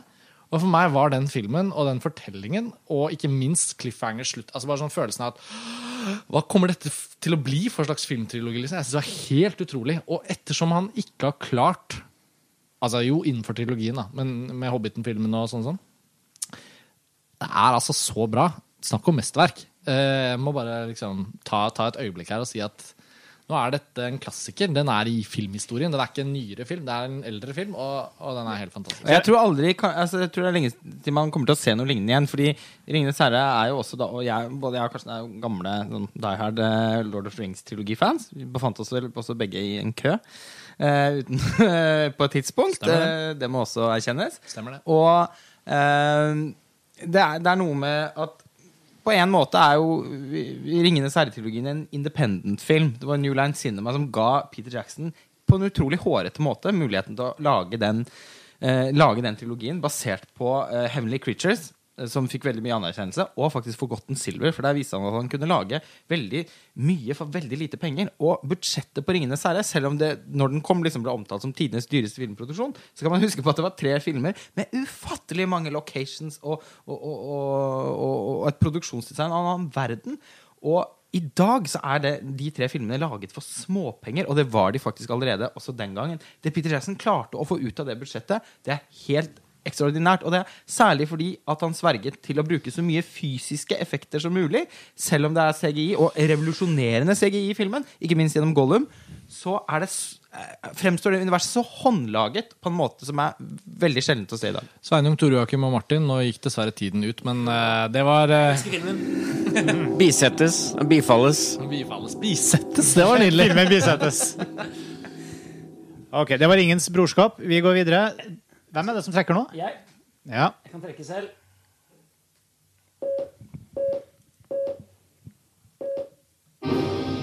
Oi, nå kom det en Spielberg her. Nå, det er flere minutter siden vi har snakka om Spielberg. Det er Sugarland Express. Sugarland Express, Steven Spielberg. Det var jo veldig morsomt at jeg skulle trekke den, da. Eh, som er en vanvittig Spielberg-fan. Eh, Har vi snakka om Spielberg tidligere? Nei. Em, filmen er jo ikke så, så bra. Det er jo hans eh, altså Duel, eh, filmen han gjorde før, ble jo lansert i, Europa på kino, men i utgangspunktet TV-film, så dette er hans første kinofilm. Og den er den er jo den er god, og den har, den har en del eh, av Spielbergs trekk i seg, med, sterke morsskikkelser og bi, bil og, og jakt og alt dette. Masse sånne elementer i seg. Um, men, men den er også litt rufsete på veldig mange måter, vil jeg jo si. Den har en del sånne en del sånne ting som er Blant annet Joe Williams musikk, som ikke, bortsett fra hovedtemaet, så er, så er ikke det så veldig særlig. Sånn derre shuffling, eh, rytmegitar og sånne ting. Men, men ok, hvis du ser bortsett fra det, så er det, så er det altså et tidlig eksempel på hvordan han klarer å, å, å komprimere historier. Hvordan han leker seg med, med, med, med, rommene han opererer i, spesielt in, når man er inne bilene. Eh, blant annet disse, disse politibilene som jakter på da, Goldie Hawn, eh, som er på flukt med sitt barn. Jeg husker ikke lenger historien. Men der er det noe veldig flott med bruk av speil, altså, altså eh, bilspeil, og du ser liksom han eh, sheriffen som jakter. og han leker seg veldig mye. Eh, Fotografi av Vilmos eh, Sigmund, selvfølgelig. Så, så eh, litt uferdig, men samtidig litt sånn fascinerende tidlig eksempel på Spielbergs kvaliteter som, som regissør, vil jeg si. Morsomt at du ikke er så begeistret for musikken, for dette er da en av de tre Spielberg-filmene jeg ikke har sett. Det er Always og 1941 og Sugarland Express. Og, men jeg har alltid Jeg har en sånn eh, jeg har ganske mange soundtracks av John Williams, men også en sånn best of, uh, the collaboration eh, sånn collab uh, som med samarbeidene til John Williams og Steven Spielberg. Og der er det to spor fra Sugarland Express som jeg alltid har hørt på med veldig stor glede. Eh, Det er bruk Altså, av munnspill. Ja, og- hovedtema, hovedtemaene med mu- mu- munnspillmusikk av. Toots Thielemans, som er en sånn nederlandsk eh, munnspillguru, sånn som Norge, Sigmund Groven. Veldig bra, det. Men resten er litt, er litt kjedelig. Og, og, og sånn. Så, det, så det er eh, Det er mine Ja. Jeg vil bare skyte inn at eh, Sugarland Express er en av de filmene som, som jeg har eh, liksom sett i år. Jeg har bestemt meg for å tette litt hull på Spielberg. Bra. Ja, så jeg har, I år så har jeg sett av da Spielberg-film jeg ikke hadde sett fra før av. Duel, Sugarland Express, Purpurfargen og Empire of the Sun. Empire of the Sun. Ja, nettopp for det jeg har fortalt om. Ja. Hvilke av de er best? Jeg følte jo at Empire of the Sun var det største hullet. For den tenkte jeg altså Det er jo skammelig at jeg ikke har sett den. Veldig bra. Purpurfargen kjempebra. Hvorfor har den så dårlig status? Duel OK. Ja. Jeg skjønner at det er Spielberg. Ikke helt toppfilm i min bok, men uansett, bra. Sugarland Express, bedre enn jeg trodde. Jeg syns den var ganske god. Jeg, jeg syns Goldie Hawn er eh, ikke så verst. Syns ikke du fortsatt at Duel er Spielbergs beste film? Jo, det er jo hans magnum opus. Men uh, Sugarland Express Jeg liker eh, sjangerfilmaspektet ved den filmen. Men jeg er enig med Troakim at den er litt rufsete, da. Oi, oi. Jeg har aldri hørt deg snakke så raskt. Det her har noe for seg, altså. Ok, da er det min tur til å trekke igjen.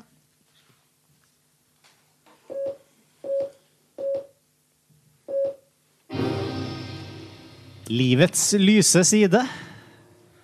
James L. Brooks. Livets lyse side. Eh, er det den italienske filmen, eller er det Nei, den, eh, den med Jack Nicholson? Nicholson. eh, Jack Nicholson. Han er gammel mann. Og eh, Helen Hunt, som vant hver sin Oscar for Livets Ja, lyse side. Ja, James L. Brooks. Ja. Ja, nei, det, jeg har ikke noe fornuft. Den har jeg rett og slett ikke noe minner om. Jeg tror kanskje til og med jeg har sett den, men jeg, jeg husker som en av de, en av de mindre min, Som gjorde mindre inntrykk på meg som en uh... Det er en fantastisk film. Jeg husker jeg så den for første gang på kino med min mor, som er Die Hard Jack Nicholson-fan, og som dro meg med på kino. Da var jeg vel en sånn 11 år eller noe for å se den. Og jeg satte veldig stor pris på den da. Vi kjøpte den sånn, Familien kjøpte den på VHS, og har endt opp med å se den filmen veldig mange ganger. Hovedsakelig pga. moren min sin kjærlighet til den filmen.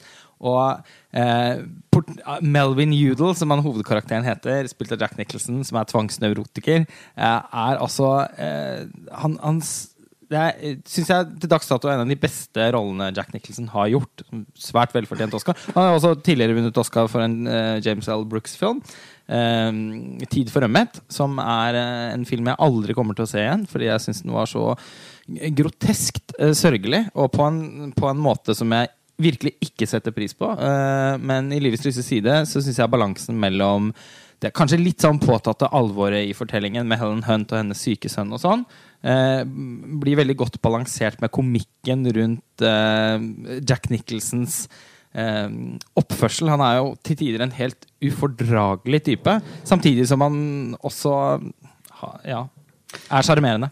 Han er jo, Jack, Som du vet, Lars Ole, så er jo Jack Nicholson min, min favorittskuespiller. Jeg har sett alt, absolutt alt han har gjort. Det er helt vanvittig. Eh, Fra 1959 og, eller 58 og fremover. Verhøfen-style. Ja, Klump- der er jeg helt, jeg er helt besatt av Jack Nicholson. Og, og, og, og jeg har eh, jeg, har, jeg, det- jeg syns ikke dette er den beste han har gjort, men det som er litt morsomt her, er at han spiller litt på en del rollefigurer som han har gjort tidligere, med litt sånn nervøst tilsnitt. litt sånn men han har fremdeles de her, de her utbruddene. Easy, altså en slags nervøs versjon av, av rollefiguren fra Five Easy Pieces, kan man jo kanskje si. Eh, og det liker jeg. Som, hvis man kjenner liksom Jack Nicholson som skuespiller og som, og, og, og, som person, da, så, så har man masse glede av den filmen. Uavhengig av komikken ellers, som jeg syns er helt strålende. Og så er det vel også Altså, musikken eh, til filmen av Hans Zimmer. Hans Zimmer ja, ja, mm. Mener jeg bestemt å huske at du har nevnt som uh, Jeg er ikke så, stor, ikke så stor fan av Hans Zimmers dramascores, men akkurat her så syns jeg han, han er akkurat passe diskré sånn i, i. Hvilket års... Når kom den filmen? der? Når vi snakker om? 97. 97. 97, ja. Filmen er god, den.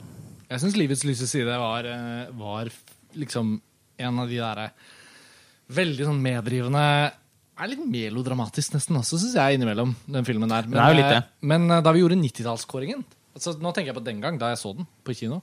Men da vi gjorde 90-tallskåringen, så kjente jeg sånn Den her er gått ut av tiden. Den har ingen relevans. Det er det er ikke et angrep på filmen. det Kanskje fordi at Cuba Gooding jr. er med, men det er vel også en av de siste virkelig morsomme Ja, og begge de to spiller kjempebra i filmen. Det var det om Livets lyse side. Ok, vi tar en runde til, eller? Ja. ja, ja. Jeg har ennå ikke trukket noen av mine venter i spenning. Da trekker vi fra bøtta.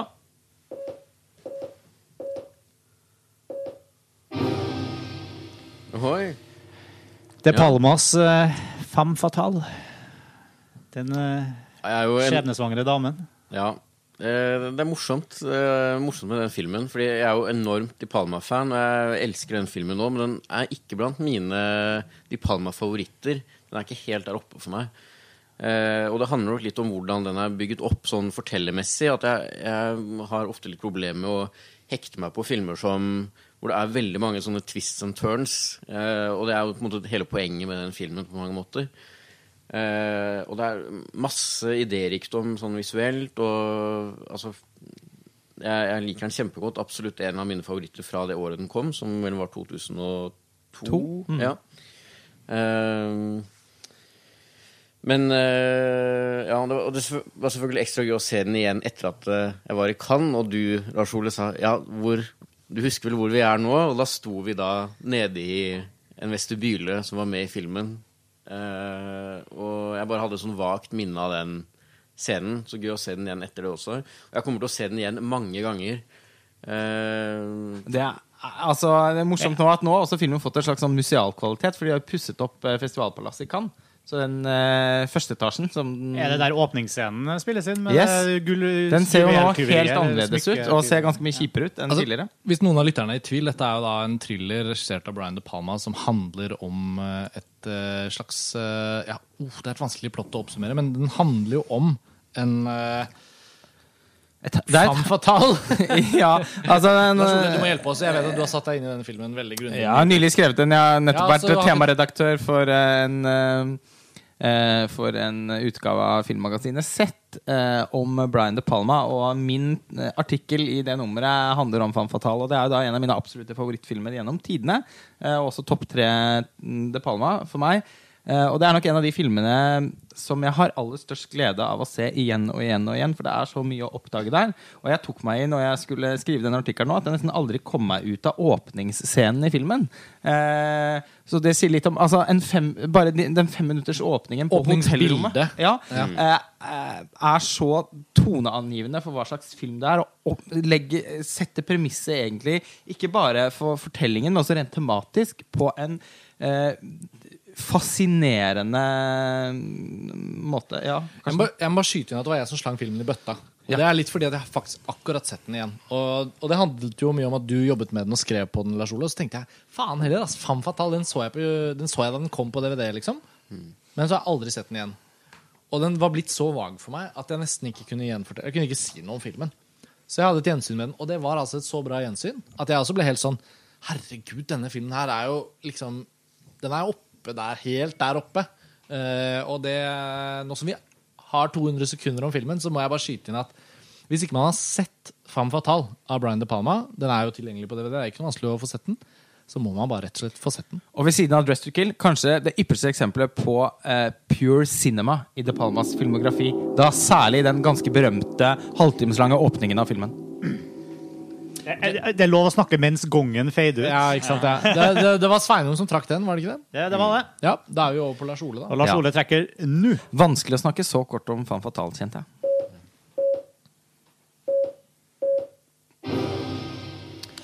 Thirteen, ja.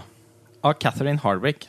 Den har jeg sett. Uh, Evan Rachel Wood spiller en ganske sånn ufordragelig tenåringsdatter til Holly Hunter i filmen. Og det som sitter mest igjen for meg, er hvor ufattelig godt spilt den var. Og Catherine Hardwick kan ha en sånn råskap i filmene sine som jeg setter veldig stor pris på. Enig. Ja, og et nærvær til karakterene. Jeg syns jo til og med da, eh, og dette er jo nesten litt flaut å erkjenne, men jeg syns jo da faktisk den første Twilight-filmen som hun regisserte, er litt undervurdert. Eh, Jeg syns hun har en teft for å skildre unge mennesker, og aldri har hun gjort det bedre enn i 13. Er Catherine Hardwicks 13 den, den traff meg også ganske hardt da den kom. Uh, jeg husker den birollefiguren, hun venninna, som spilte av Nikki Reed. Det var en jævlig bra rolleprestasjon av en tenåring. da Og Even Rachel Wood gjorde jo sitt Det må være liksom hennes gjennombrudd. Hennes gjennombrudd. Hun har jo gjort mye fint i etterkant. Hun har kanskje liksom vært en av de der unge talentene som ikke helt har liksom blitt den man trodde hun skulle bli. Hun har ikke blitt noen stor stjerne, sånn som Kristen Stewart eller eh, Dakota Fanning eller den generasjonen der. Men hun er jo en utrolig bra skuespiller. Og 13 er en sånn, der, sånn type sånn tenåringsdrama som man kanskje ser mer i europeisk film, eller fra Larry Clark, for den saks skyld, men som er veldig lite gjort på sånn Hollywood-nivå. Den er sikkert uavhengig produsert. Jeg husker ikke hvordan den Jeg tror det er en independent Er det noen andre av dere som har sett den, eller? Har sett, og Det er faktisk ikke så lenge siden jeg så den heller. eller Det er et par år siden. Eh, og jeg husker jeg likte den veldig godt, men nå eh, altså, den har forsvunnet litt ut i glemselen for meg. Nå fikk jeg veldig lyst til å se den igjen. Av Roger Donaldson. Nei, men, Men, jeg, men ja, jeg likte den kjempegodt. Jeg ble overraska over den råskapen i filmen. Og, Mm. Eh, mm. Det snakkes jo ofte, i hvert fall her i Norge, om liksom, og det er viktig med ja, likestilling eh, når det kommer til regissører eller hovedrolleinnehavere. Det er viktig med kvinnelige filmskapere og sånn, sånn, sånn. Og det er selvfølgelig et viktig tema. Men det er jo også interessant å kunne snakke om en film som dette, da. eh, Hvor det er veldig sterke, glimrende kvinnelige hovedroller i alle aldre. Og en kvinnelig regissør, som også har gjort seg bemerket med den første Twilight-filmen. Som var jo en franchise-launch uten eh, sammenligning. Må bare si så, også- Den var jo rett og slett veldig vellykket. Ja, og Catherine Hardwick har også gjort en veldig fin eh, eh, adaptasjon av en dokumentarfilm. eh, 'Dogtown and Z-Boys'. En veldig spennende dokumentar om eh, skatemiljøet i Los Angeles. Hvordan det oppsto. Eh, hun har gjort liksom fiksjonsfilmversjon av den som heter 'Lords of Dogtown', ble- med blant annet Heath Ledger i en av rollene. Det er ikke en kjempegodt. Nei, det er ikke en glim... Ja, ok. Jeg syns ikke det er en glimrende For jeg syns dokumentaren er så bra. Utrolig bra dokumentarfilm. Eh, det, var, det var så mye bra visuelt materiale fra den tiden. Så det, dokumentaren har en sånn helt egen autentisitetstilgang. Men, eh, men jeg syns fortsatt den var veldig god. Altså. Mm. Eh, det var ikke det. Men det var, spillet mellom dokumentaren og fiksjonsversjonen var, var litt så man kan si om Catherine Hardwick at uh, selv om filmene hennes er en veldig ujevn kvalitet, syns jeg alltid, nesten, nesten alltid i hvert fall, det er noe et eller annet interessant ved dem. Til og med den plush. Ja, for jeg skulle spørre om det, for den har ikke jeg sett. Nei. Den fikk jo litt blandet uh, Ja, og den var Kanskje ikke- mest dårlig mottakelse. Ja, og den var ikke veldig god, men uh, også i den så har hun et eller annet nærvær som til tider i hvert fall skinner igjennom på en måte som gjør at jeg totalt sett satt pris på å ha sett filmen. i hvert fall. Der var tida ut. Det ligger eh, også 105 filmer i den virtuelle filmbøtta vår som vi driver og trekker fra. Tor Joakim driver og sender meg sånne blikk hele tida. Sånn, når kommer filmene jeg har lagt i bøtta? Ja. Ja, altså, Nå har det kommet en god del av de jeg har lagt i bøtta, så jeg vet Ja. ikke hvordan programmet Det, det er en er. sånn random-rutine ute og går, så det er nok bare Tilfeldigheter. tilfeldigheter, Tor Joakim. Mm. Det er Nå meg, altså, ja. Nå er det min tur til å trekke. Jeg venter i spenning.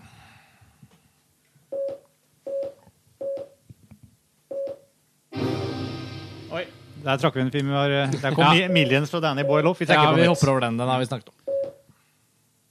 Nei, nei. Der kom det enda en vi har trukket før. Vi prøver igjen.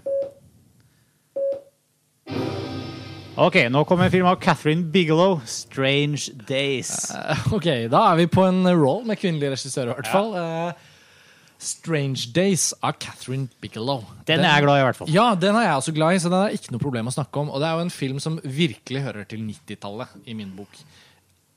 Minidisk-formatet ble vel aldri tilstrekkelig godt portrettert på film, hadde det ikke vært for Strange Days. Eh, hvor minidisken spiller en veldig sentral rolle. Eh, og så er det også en film som i sin helhet, som verk, ikke er så voldsomt god.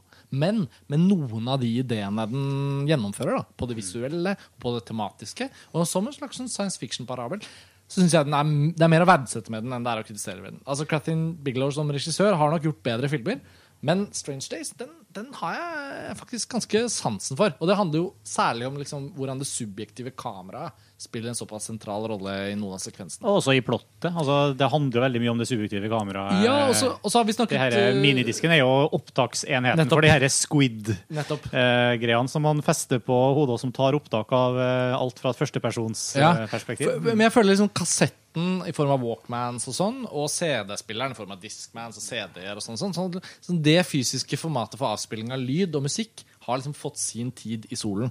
Men minidisken den ble liksom aldri tilstrekkelig godt portrettert. Men- men- men hadde også, jeg, men altså- jeg hadde en Ja, men, minidiskspiller. altså, minidisken var jo bare en propp fordi det ligna på noe så passe jeg vet, jeg vet, men, ut, men jeg forbinder den filmen med minidiskformatet. Men det er jo veldig sånn Jeg tenker sånn Nå er jo Altså, På 90-tallet så snakka vi jo en del om VR og sånn. da, Mm. med, ikke, Og så kom det jo noe altså, De, de VR-spillene vi holdt med da, var bare blocky og kjip, og så hadde vi Lawnmower Man og sånne filmer. og sånn som, altså det, det var ikke modent, da, på samme måte som vi snakka om internett i lomma da VAP kom på 2000-tallet. Liksom, det, det er først nå vi har det. Ja. Men det er først nå vi kommer til å få eh, VR også. Ja. Eh, Og da tror jeg en del av de tingene som blir tematisert og, og problematisert i Strange Days altså, jeg, tror de er, jeg tror det er reelle um, For det er jo noen her. brutaliteter Altså. i, den historien. Det er jo en voldtekt der, og det er Ja. en del ting i omløp. Altså, og vi, vi kommer til å komme dit at selv om de ikke nødvendigvis ser ut som minidisker og ser ut som blekkspruter vi har på hodet, og sånt, så, så er det altså uh, den herre VR-subjektive førstepersonsopptaket og den, det å, altså Film tror jeg også kommer til å Vi kommer sikkert fortsatt til å ha den vanlige 2D-filmen lenge, men altså VR både som spillmedium, som filmmedium og som eh, kommunikasjonsmedium kommer til å bli eh, kjempestort. Jeg er- er nok blant de få som fortsatt syns at de tidligste filmene til Bigelow er hennes beste. Jeg syns at Near Dark og Blue Steel og til og med Point Break er helt strålende filmer. Spesielt uh, Blue Steel, som jeg syns er veldig underkjent. Uh, uh, har en Altså et sånn kondensert filmfortelling og et veldig sånn uttrykksfullt filmspråk som jeg setter voldsomt pris på. Uh, Strange Days uh, syns nok jeg skjemmes litt av å være en klønete filmfortelling, men det er veldig mye interessant i seg visuelt og liksom, motivene i filmen. Uh, sit, de, de Ja. Der, der kom gongongen. Ja, Får du trekke en av dine egne nå, Tor Joakim? Kom igjen. Ja, Det kommer snart noe som jeg har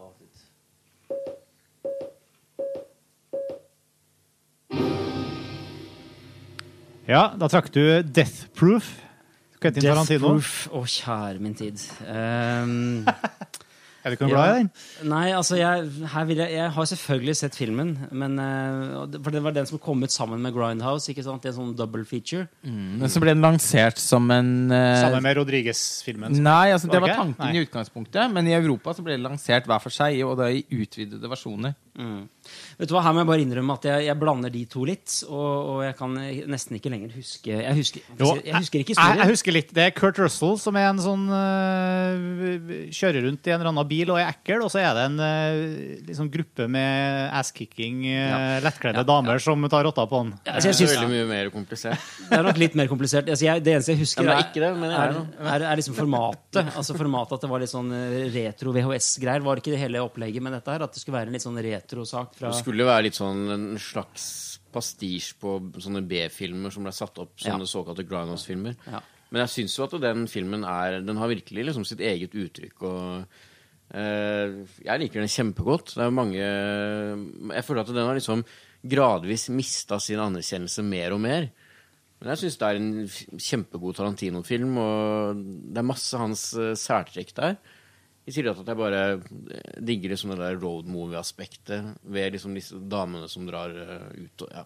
Og den har jo noen veldig liksom, herlige, forbløffende sekvenser. På annet sånn biljakt på slutten. Den har jo sånne elementer av exploitation-film, eh, åpenbart. Og det er noe med og, veldig, En film også med veldig kule kvinneroller. Eh, og jeg husker også en sånn usedvanlig brutal bilkrasj med et bein som blir revet av. Uh, og det er en av de filmene hvor Tarantino sine filmer er, er, Det er ofte ganske eh, mye grafisk vold i filmene til Tarantino, men han har kanskje aldri dratt det så langt som i Death Proof, og det kler jo prosjektets natur. da Eh, så det er en film som jeg bare har veldig gode minner om, men som jeg faktisk ikke har sett på veldig mange år. Kjøpte meg nylig en eh, Blu-ray av, av filmen for å se den igjen. Tanken var å, å, å, å lade opp til The Hateful Eight. Um, og den har jo ikke kommet ennå, så jeg regner med å få sett den i løpet av relativt kort tid. Og det gleder jeg meg til.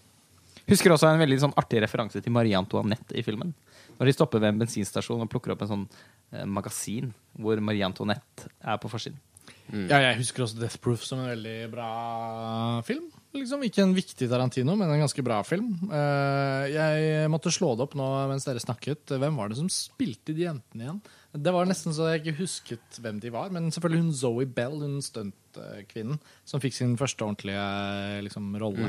Og, Hun som ligger på panseret. Ja, ja, ja. Og, og Rosario Dawson er med, og etc. Et Så det, det, det ja. altså, sånn, Tarantino har ikke egentlig laget så mange filmer. Men han har jo nesten aldri laget noe som ikke funker. Ja, I hvert fall ikke laget noe som er impotent og kjedelig. Nei, ikke sant? Og, og, og så kan man si noen liker den bedre, noen liker den bedre. Og, og nå som det bare er fem sekunder igjen, så vil jeg si at Death Group har kanskje vært den som har fått minst status, men den er ikke noe dårlig. Han har snakket den litt ned selv også i etterkant. ja, han har det. Hvem er det som skal trekke nå? Det er din tur, Martin. Det er min tur. Jeg er spent på hvordan lytterne opplever dette. Sånn. Ja, ok, nå er vi i gang med en ny nedtelling. Ja. Lost River. Eh, regissert av Ryan Gosling. 2000, det er en veldig ny film. 2014. Her er jo en av Steven Spielbergs favoritter. Eh, nei, nei. du, jeg må bare sende altså, Igjen, altså, det er jo jeg Lytterne har kanskje skjønt det for lengst at det er jeg som har sett minst film av oss som sitter uh, i filmfestpanelet. Så jeg skammer meg. Jeg trenger ikke å unnskylde meg for ikke Men jeg har altså ikke sett filmen, så jeg sender ballen videre til deg, Sveinung. Lost River. Ja, jeg har sett den, og jeg fikk jo ekstra lyst til å se den. Eh, Det var en av disse Lars Ole-filmene som ble hauset opp, eh, som jeg da fikk sett. Eh, For den kom ikke på kino i Norge og forsvant litt.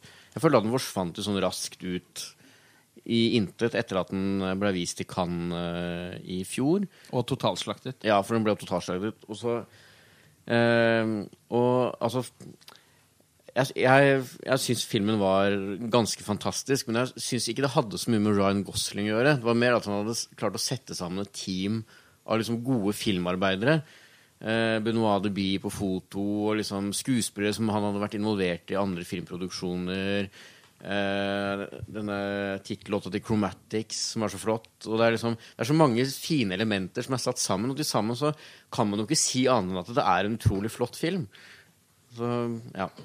Du har lyst til å si at det ikke er det, men så Jeg, jeg minnes at du og eh, Jeg har jo skrevet en art- artikkel om den på montasje, jeg trenger kanskje ikke å si så mye, men jeg minnes også at du, eh, at du ikke ble skuffet eh, over Nei, den filmen. Jeg, tror det er ikke jeg som har, har lagt filmen i bøtta, men jeg syns det er en helt fantastisk film. Og, og det handler litt om hvordan Ryan Gosling det er mye, Her er masse snakk om det David Lynch-elementene og dette her. Og Ryan Gosling har jo vært assosiert som skuespiller med en viss type film med masse stilistisk eksess. Og han virkelig tar det Jeg Vet ikke om han har tatt lærdom av de filmene han har vært med i, med, av, av Reffen og disse her, men her, her, her peiser han altså på med noen helt vanvittige flotte tablåer som jeg nesten ikke har sett maken til. Dette er min, min eh, film, eh, altså min nummer to foreløpig av årets filmer, etter Ex Machina. Helt fantastisk eh, hvordan han tegner opp alle disse her dystopiske landskapene og bruker neonfarger og det ene med det andre. Det er den er helt rå, den filmen der. Audiovisuelt så er den filmen så ekstravagant, og det er veldig store problemer med å skjønne hvordan den kan ha fått så dårlig mottakelse. Man kan godt si at den er litt enkel på noen områder, og at den ikke er fullendt som historie. Og litt pretensiøs. Absolutt, men samtidig eh, en veldig sjenerøs eh, film. Altså, jeg så den jo i Cannes det året. Og eh, det var jo litt eh, dårlig buzz på den, kan man si. Det var voldsomt dårlig buzz på den. Og, og i Cannes er jo prioriteringene man gjør, knallharde. Så vi var vel begge enige Lars Ole, om at den kom litt lavt ned på listen. Men av en eller annen grunn, jeg husker ikke hvorfor, så, så, så ble den vist på en sånn reprisevisning som gjorde at den passet inn i tidsskjemaet mitt den dagen. Og da så jeg Lost River, og jeg kom ut og tenkte hva, hva, hva, er det folk ikke liker? Den var jo veldig god, men jeg hadde ingen å snakke med om den. Så jeg var sånn Faen, den var god! Så jeg husker jeg sa til deg, Lars Ole, det var liksom Lost, Ja. River, Lost River, den var god! Og jeg var på en eh, fjernsynsmesse i Cannes tidligere i år, hvor den gikk på franske kinoer, og endte med å se den to ganger to kvelder på rad på kino der, og følte at jeg hadde sett en av årets beste filmer.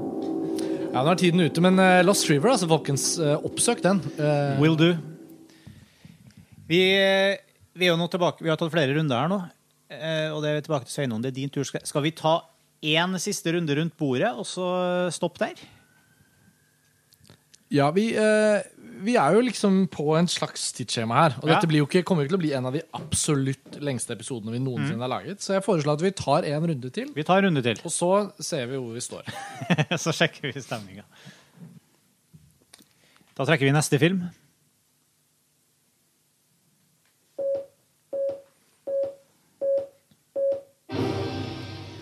Oi. Bad Boy Bubby. Ja, det her er jo en sånn veldig filmklubbfavoritt som jeg ikke har sett. Uh, som folk har sagt til meg mange ganger. Ja, den må du se. Den er så bra og kul. Og, og så har jeg vel kanskje også fått enda litt mindre lyst til å se den på grunn av de tingene som har blitt sagt om den. Men Ja. det er egentlig det jeg har å komme med. Du er for kul for den filmen. Ja, jeg, har sett Bad Boy. Jeg har sett Bad Boy Bubby, og jeg syns den er veldig bra. Jeg syns det ikke er noe problem å anbefale den filmen. Uh, kort anekdotisk sett så kan jeg si at uh, hovedrolleinnehaveren, Nicholas Hope, som spiller en ganske krevende rollefigur å, å portrettere, han har også vært uh, Han har undervist i uh, skuespill på film på en del filmskoler rundt omkring i Norge. Og besøkte filmskolen i Kabelvåg, Lofoten, da jeg gikk der for over ti år siden. Og um, var en veldig hyggelig fyr og veldig morsom fyr. Og hadde altså eh, anekdoter en masse om eh, Bad Boy Bubby. Eh, og denne filmen er fra 1993, og den har, eh, den har noen sånne ideer, noen sånne greier, som jeg bare ikke kan, fortsatt ikke kan helt huske å ha sett maken til. Den, den, den er blant annet skutt av mange forskjellige fotografer. Altså, det er sånn Han øh, er en, øh, spiller en mann som er blitt holdt, fange i, holdt fanget i kjelleren til sin mor. Og er på en måte Det er noen katter, og det er noe ødipal sex, og det er veldig mye greier i omløp. Men uh, Rolf de Heer, eh, regissøren, han har også da valgt å jobbe med mange forskjellige fotografer samtidig på filmen. Sånn at når Badboy Bubby, da, eller ja, hovedpersonen, flytter seg fra sted til sted i historien, så skiftes også fotoestetikk. Okay. Det er ganske Ja. kult grep. Det er også veldig morsomt eh, hvordan eh, hele kjellersekvensen er. Vi snakket om Texas Chainsaw Massacre i stad, og det er morsomt å se også hvordan han iscenesetter disse eh, grisete kjellersekvensene, vil jeg jo si. Eh, og man ser jo altså Senere filmer som Slingblade, for eksempel, tror jeg er modellert på, på denne filmen. Den har, har mye av de samme liksom, awkward øyeblikkene. Men, men det er Mange liker ikke når det blir sånn kjellerestetikk, som jeg kaller det for. Uh, no offence til Ulrich Seidel, som jeg elsker. Det er jo ikke så hyggelig. Det er jo ikke noe hyggelig tematikk. Det er jo ikke noe hyggelig, men, men, men når det gjøres så utfattelig elegant, og, så, og med så mye igjen tekstur og så mye eh, energi, så er, det, så er det fantastisk også å dykke ned i dette kjellerlandskapet. Så det er en av dine kjellerfavoritter. Ja, Im Keller er hakket bedre. Ja, Topp ti filmer som foregår i kjellere. Så tenker jeg bare- Der har vi en episode, altså. Ja, ja, der har vi en episode. Der skal vi drikke noe kjipt. Noe... Er det noen andre som har sett den, eller? Nei, jeg har i likhet med Sveinung heller aldri fått sett Bad Boy Bubby og blitt anbefalt den utallige ganger. Har kjøpt den på DVD for mange mange år siden, men har av en eller annen idiotisk grunn aldri faktisk fått satt meg ned og sett den filmen. Så bare det fotoeksperimentet er for meg god nok grunn til å anbefale den. Ja, for det har jeg aldri det er, om, en, det er 31 forskjellige filmfotografer som har jobbet på filmen. Det er ganske sykt. 31? Ja. Så det, Det var også ny informasjon for meg. Så fikk jeg også Nå ble jeg påminnet om at, Ja, at jeg brukte, faktisk er nødt til å se den. Da brukte vi rett og slett de 200 sekundene bra. Okay. Da er det min tur til å trekke. Hva vil bøtta bringe? Vi vrenger bøtta. The Simpsons Movie. Det er ganske morsomt. Det var et Det var morsomt uh, valg. Uh, jeg er jo da blodfan av The Simpsons. Spesielt av de første ni sesongene. Ser du fortsatt på det? Nei, uh, bare sporadisk. Eh, jeg har en eh, nevø som er eh, så, som er så Simpsons-fan, tror jeg, nesten som han kan bli.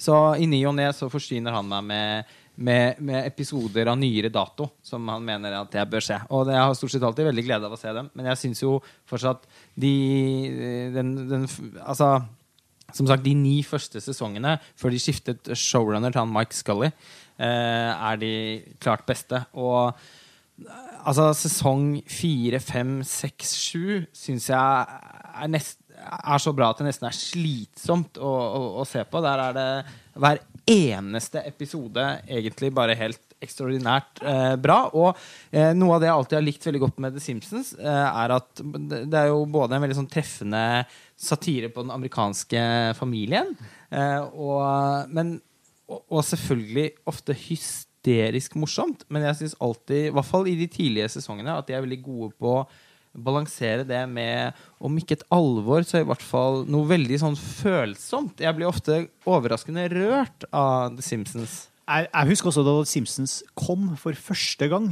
Og det var, nå husker jeg ikke.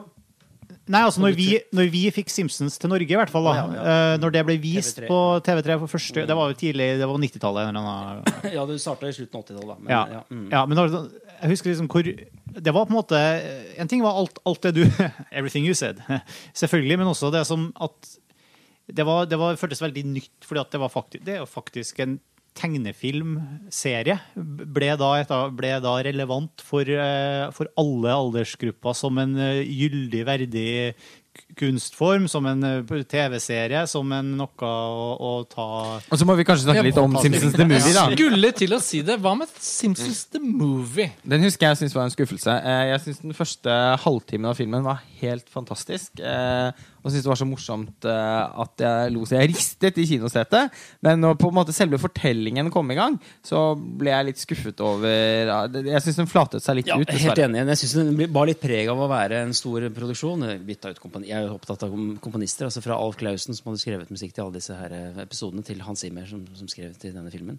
Så alt fikk litt sånn for stort preg til å ha det her litt sånn gritty sidelengskomikken, som er en del av de, disse kjernesesongene som du snakker om, det var litt borte. Jeg lo i filmen. eh, Spider-Pig, alt mulig rart. Men, men, men det var, det var ser heller en eh, god episode, liksom. heller en god episode. Det var mitt poeng. Ja, altså Mye av frykten før filmen kom, var jo at det skulle være som en, sånn, bare en episode som var strukket ut. Og dessverre ble det jo egentlig Det litt litt sånn. Ja.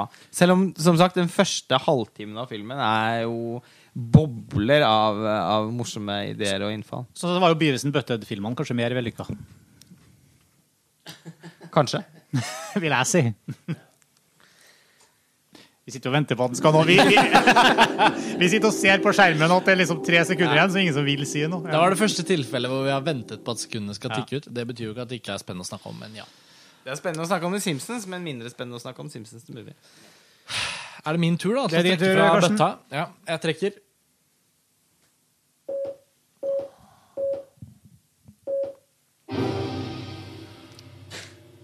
Bruno! Ja, Dette er Sasha Baron Cohens film 'Bruno', regissert av Larry Charles. Um, vi husker vel kanskje aller, aller, aller best Sasha Baron Cohen for gjennombruddsfilmen, hvis man kan kalle det, Borat. Jeg husker den best som Allergy. Ja, jeg vet, jeg vet. Ja, du visste de gamle kom til å si det, men det er sånn som det kommer til å være. det er oss, det, Tor Jørgen.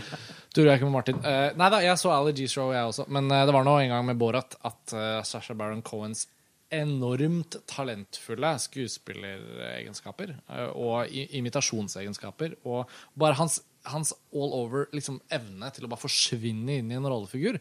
Eh, ja? USAs Nils Vogt. Ja. Jeg vet ikke om jeg skal svare på. Jeg vet ikke om jeg skal svare på den. Eh, og jeg syns Borat var en veldig morsom film. Bare sånn det jeg har sagt. Bruno er en like imponerende rolletolkning, for å starte der. Uh, Sasha Barrow Cohen eh, går nok en gang inn i en rollefigur som han har skapt seg. Den østerrikske motejournalisten Bruno. Filmen var jeg dog ikke så voldsomt interessert i, så den har jeg da på, på, i flere år bare rett og slett Nei, ikke den. Men så var det han Lars Ole, da, som, som sitter her borte. Sånn Ja, men den må du se! Bruno! Helt utrolig. Ja Ikke, ikke, Den, ikke den har, har blant annet sånn syngende penishode. Ikke? Altså, jeg, jeg, jeg, anskaffet meg, jeg anskaffet meg Bruno på brukt-DVD, for å si det sånn, og eh, så filmen og var ikke særlig imponert. Eh, Lars Ole, hva, hva tenker du? Nei, Jeg syns det er en av de morsomste filmene som er laget på 2000-tallet. Kanskje der, noen gang. Ja, Der er vi jo så uenige som det går an å bli, egentlig. ja, nei, altså Jeg synes jo, setter jo langt mer pris på Bruno enn Borat, faktisk. Selv om jeg også syns Borat er en veldig morsom film. Men Bruno synes jeg er så vulgær og så upassende i alt den gjør, at uh, at uh, jeg, altså, jeg setter bare overskridelsen i seg selv, i nesten alle scenene i filmen, uh, skaper en, en, en, en klamhet og en følelse av at altså, Hva er det han holder på med? Som jeg i seg selv syns er veldig morsomt. Og så syns jeg han Bruno-karakteren, eh, fordi han er en så ufattelig ufyselig type, eh, i motsetning til eh, Borat, da, som nesten kan sies å være litt eh, rørende, til og med, så er jo Bruno eh, helt umulig å, å få noe sympati med eller like på noen som helst måte. Men jeg syns også da i denne filmen at han på nesten på en enda smartere, eller i det minste på en frekkere måte, eh, lager en satire over, over USA. Og ja, Har du sett den, Sveinung? Nei, ikke sett den. Men uh, Larry Charles er jo en av, altså, kanskje den personen som har regissert de mest vulgære og overskridende Seinfeld-episodene. Ja, ja, ja. Og Det også, si, ja. ja, også uh, samarbeidet en del med, med Larry David i hans serie Mm. Curb Your Enthusiasm. Eh, og du er ikke så begeistret for Larry David? eh, Nei, jeg er dessverre ikke det. Men eh, jeg har veldig lyst til å se Bruno nesten bare Bruno. Bare for, nesten bare fordi det er han som har regissert den. Det er Eh, to tødler over u-en, er det ikke? egentlig? jo, Den er minneverdig for veldig mange ting, blant annet av at han kall, konsekvent kaller Will Smith for Wilhelm Schmidt. Yes. Ok, to filmer igjen i bøtta. Ja. Tor Joakim trekker nå.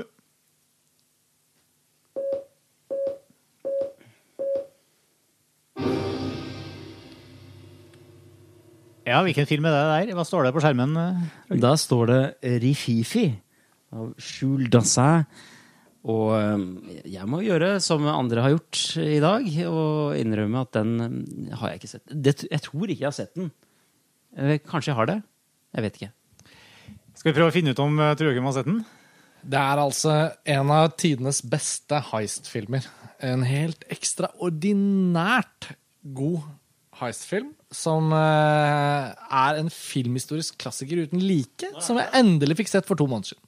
og det er jeg som slengte den i bøtta, så jeg bare tok mikrofonen. For jeg tenkte, Den er fra 1950 Ja, godt spørsmål. Jeg husker ikke helt. 55, kanskje? Ja, Slutten av 50-tallet. 50-tallet. Slutten av 50-tallet. Ja. Har du sett den, Svein? Jeg har sett den. Ja.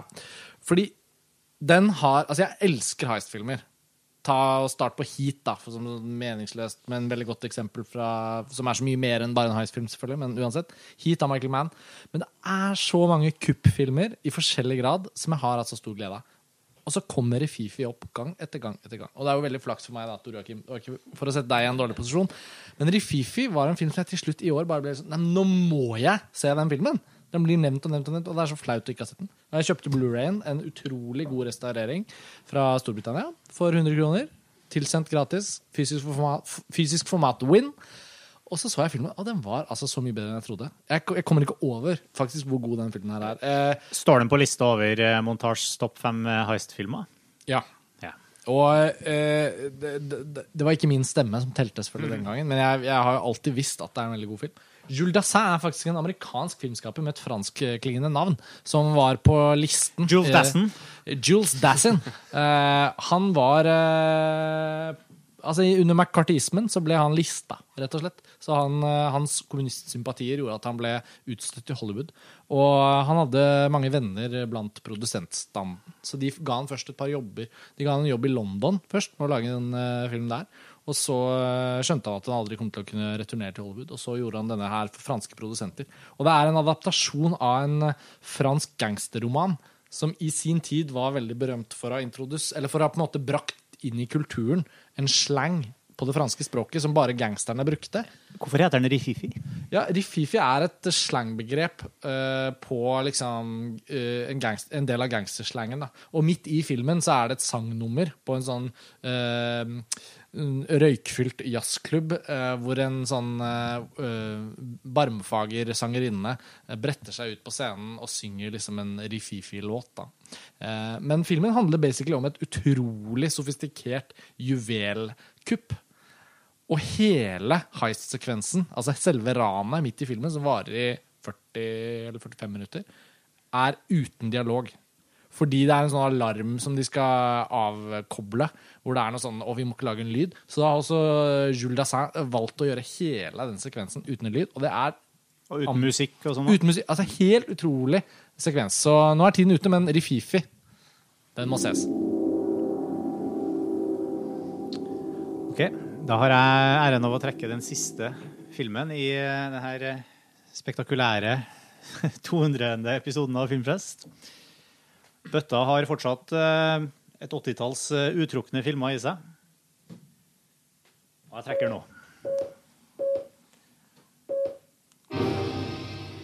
Der trakk vi en film vi har funnet før, så vi trekker på nytt.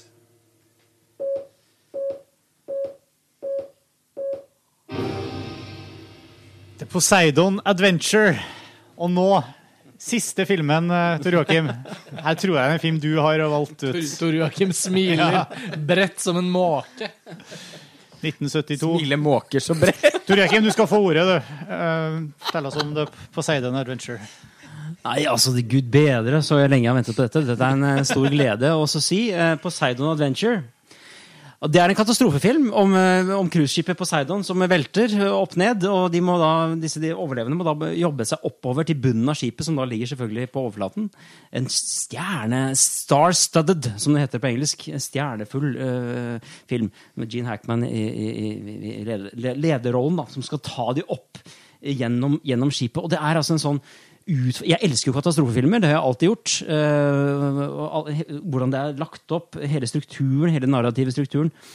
Og, og, og, og spenningsmomentene innen, innen hver struktur. Og Poseidon Adventure har alt av, av, av dette her. Hvordan, de, hvordan, eh, hvordan det på en måte er små minifilmer hele veien, hvor de da må ha en utfordring som de må løse og løse og løse, løse, løse for å komme seg opp til eh, bunnen av skipet. Og, og det er Irvin Allen som har, som har vært med, med å regissere den, sammen med, med Ronald Neam. Irvin Allen var en fantastisk fyr. Masse ideer, masse science fiction, masse eventyr. Uh, TV-serier som Lost in Space og sånn på 60-tallet. Og gjorde også eh, katastrofefilmer som Poseidon Adventure og Towering Inferno på, på, på 70-tallet. Uh, og musikk her også av John Williams, som selvfølgelig også er viktig for meg. Og selv om det er ikke akkurat hans beste soundtrack, men allikevel, han er til stede.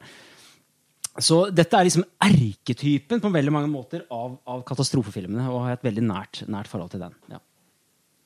Er det noen andre som har noe forhold til den? Jeg har ikke sett den. Ikke jeg heller. Jeg fikk veldig lyst til å se den. ikke sett den. Men jeg syns du smadret Poseidon Adventure i positiv forstand. Da, nå. Jeg synes du liksom eide det fullstendig i måten du snakket om det på.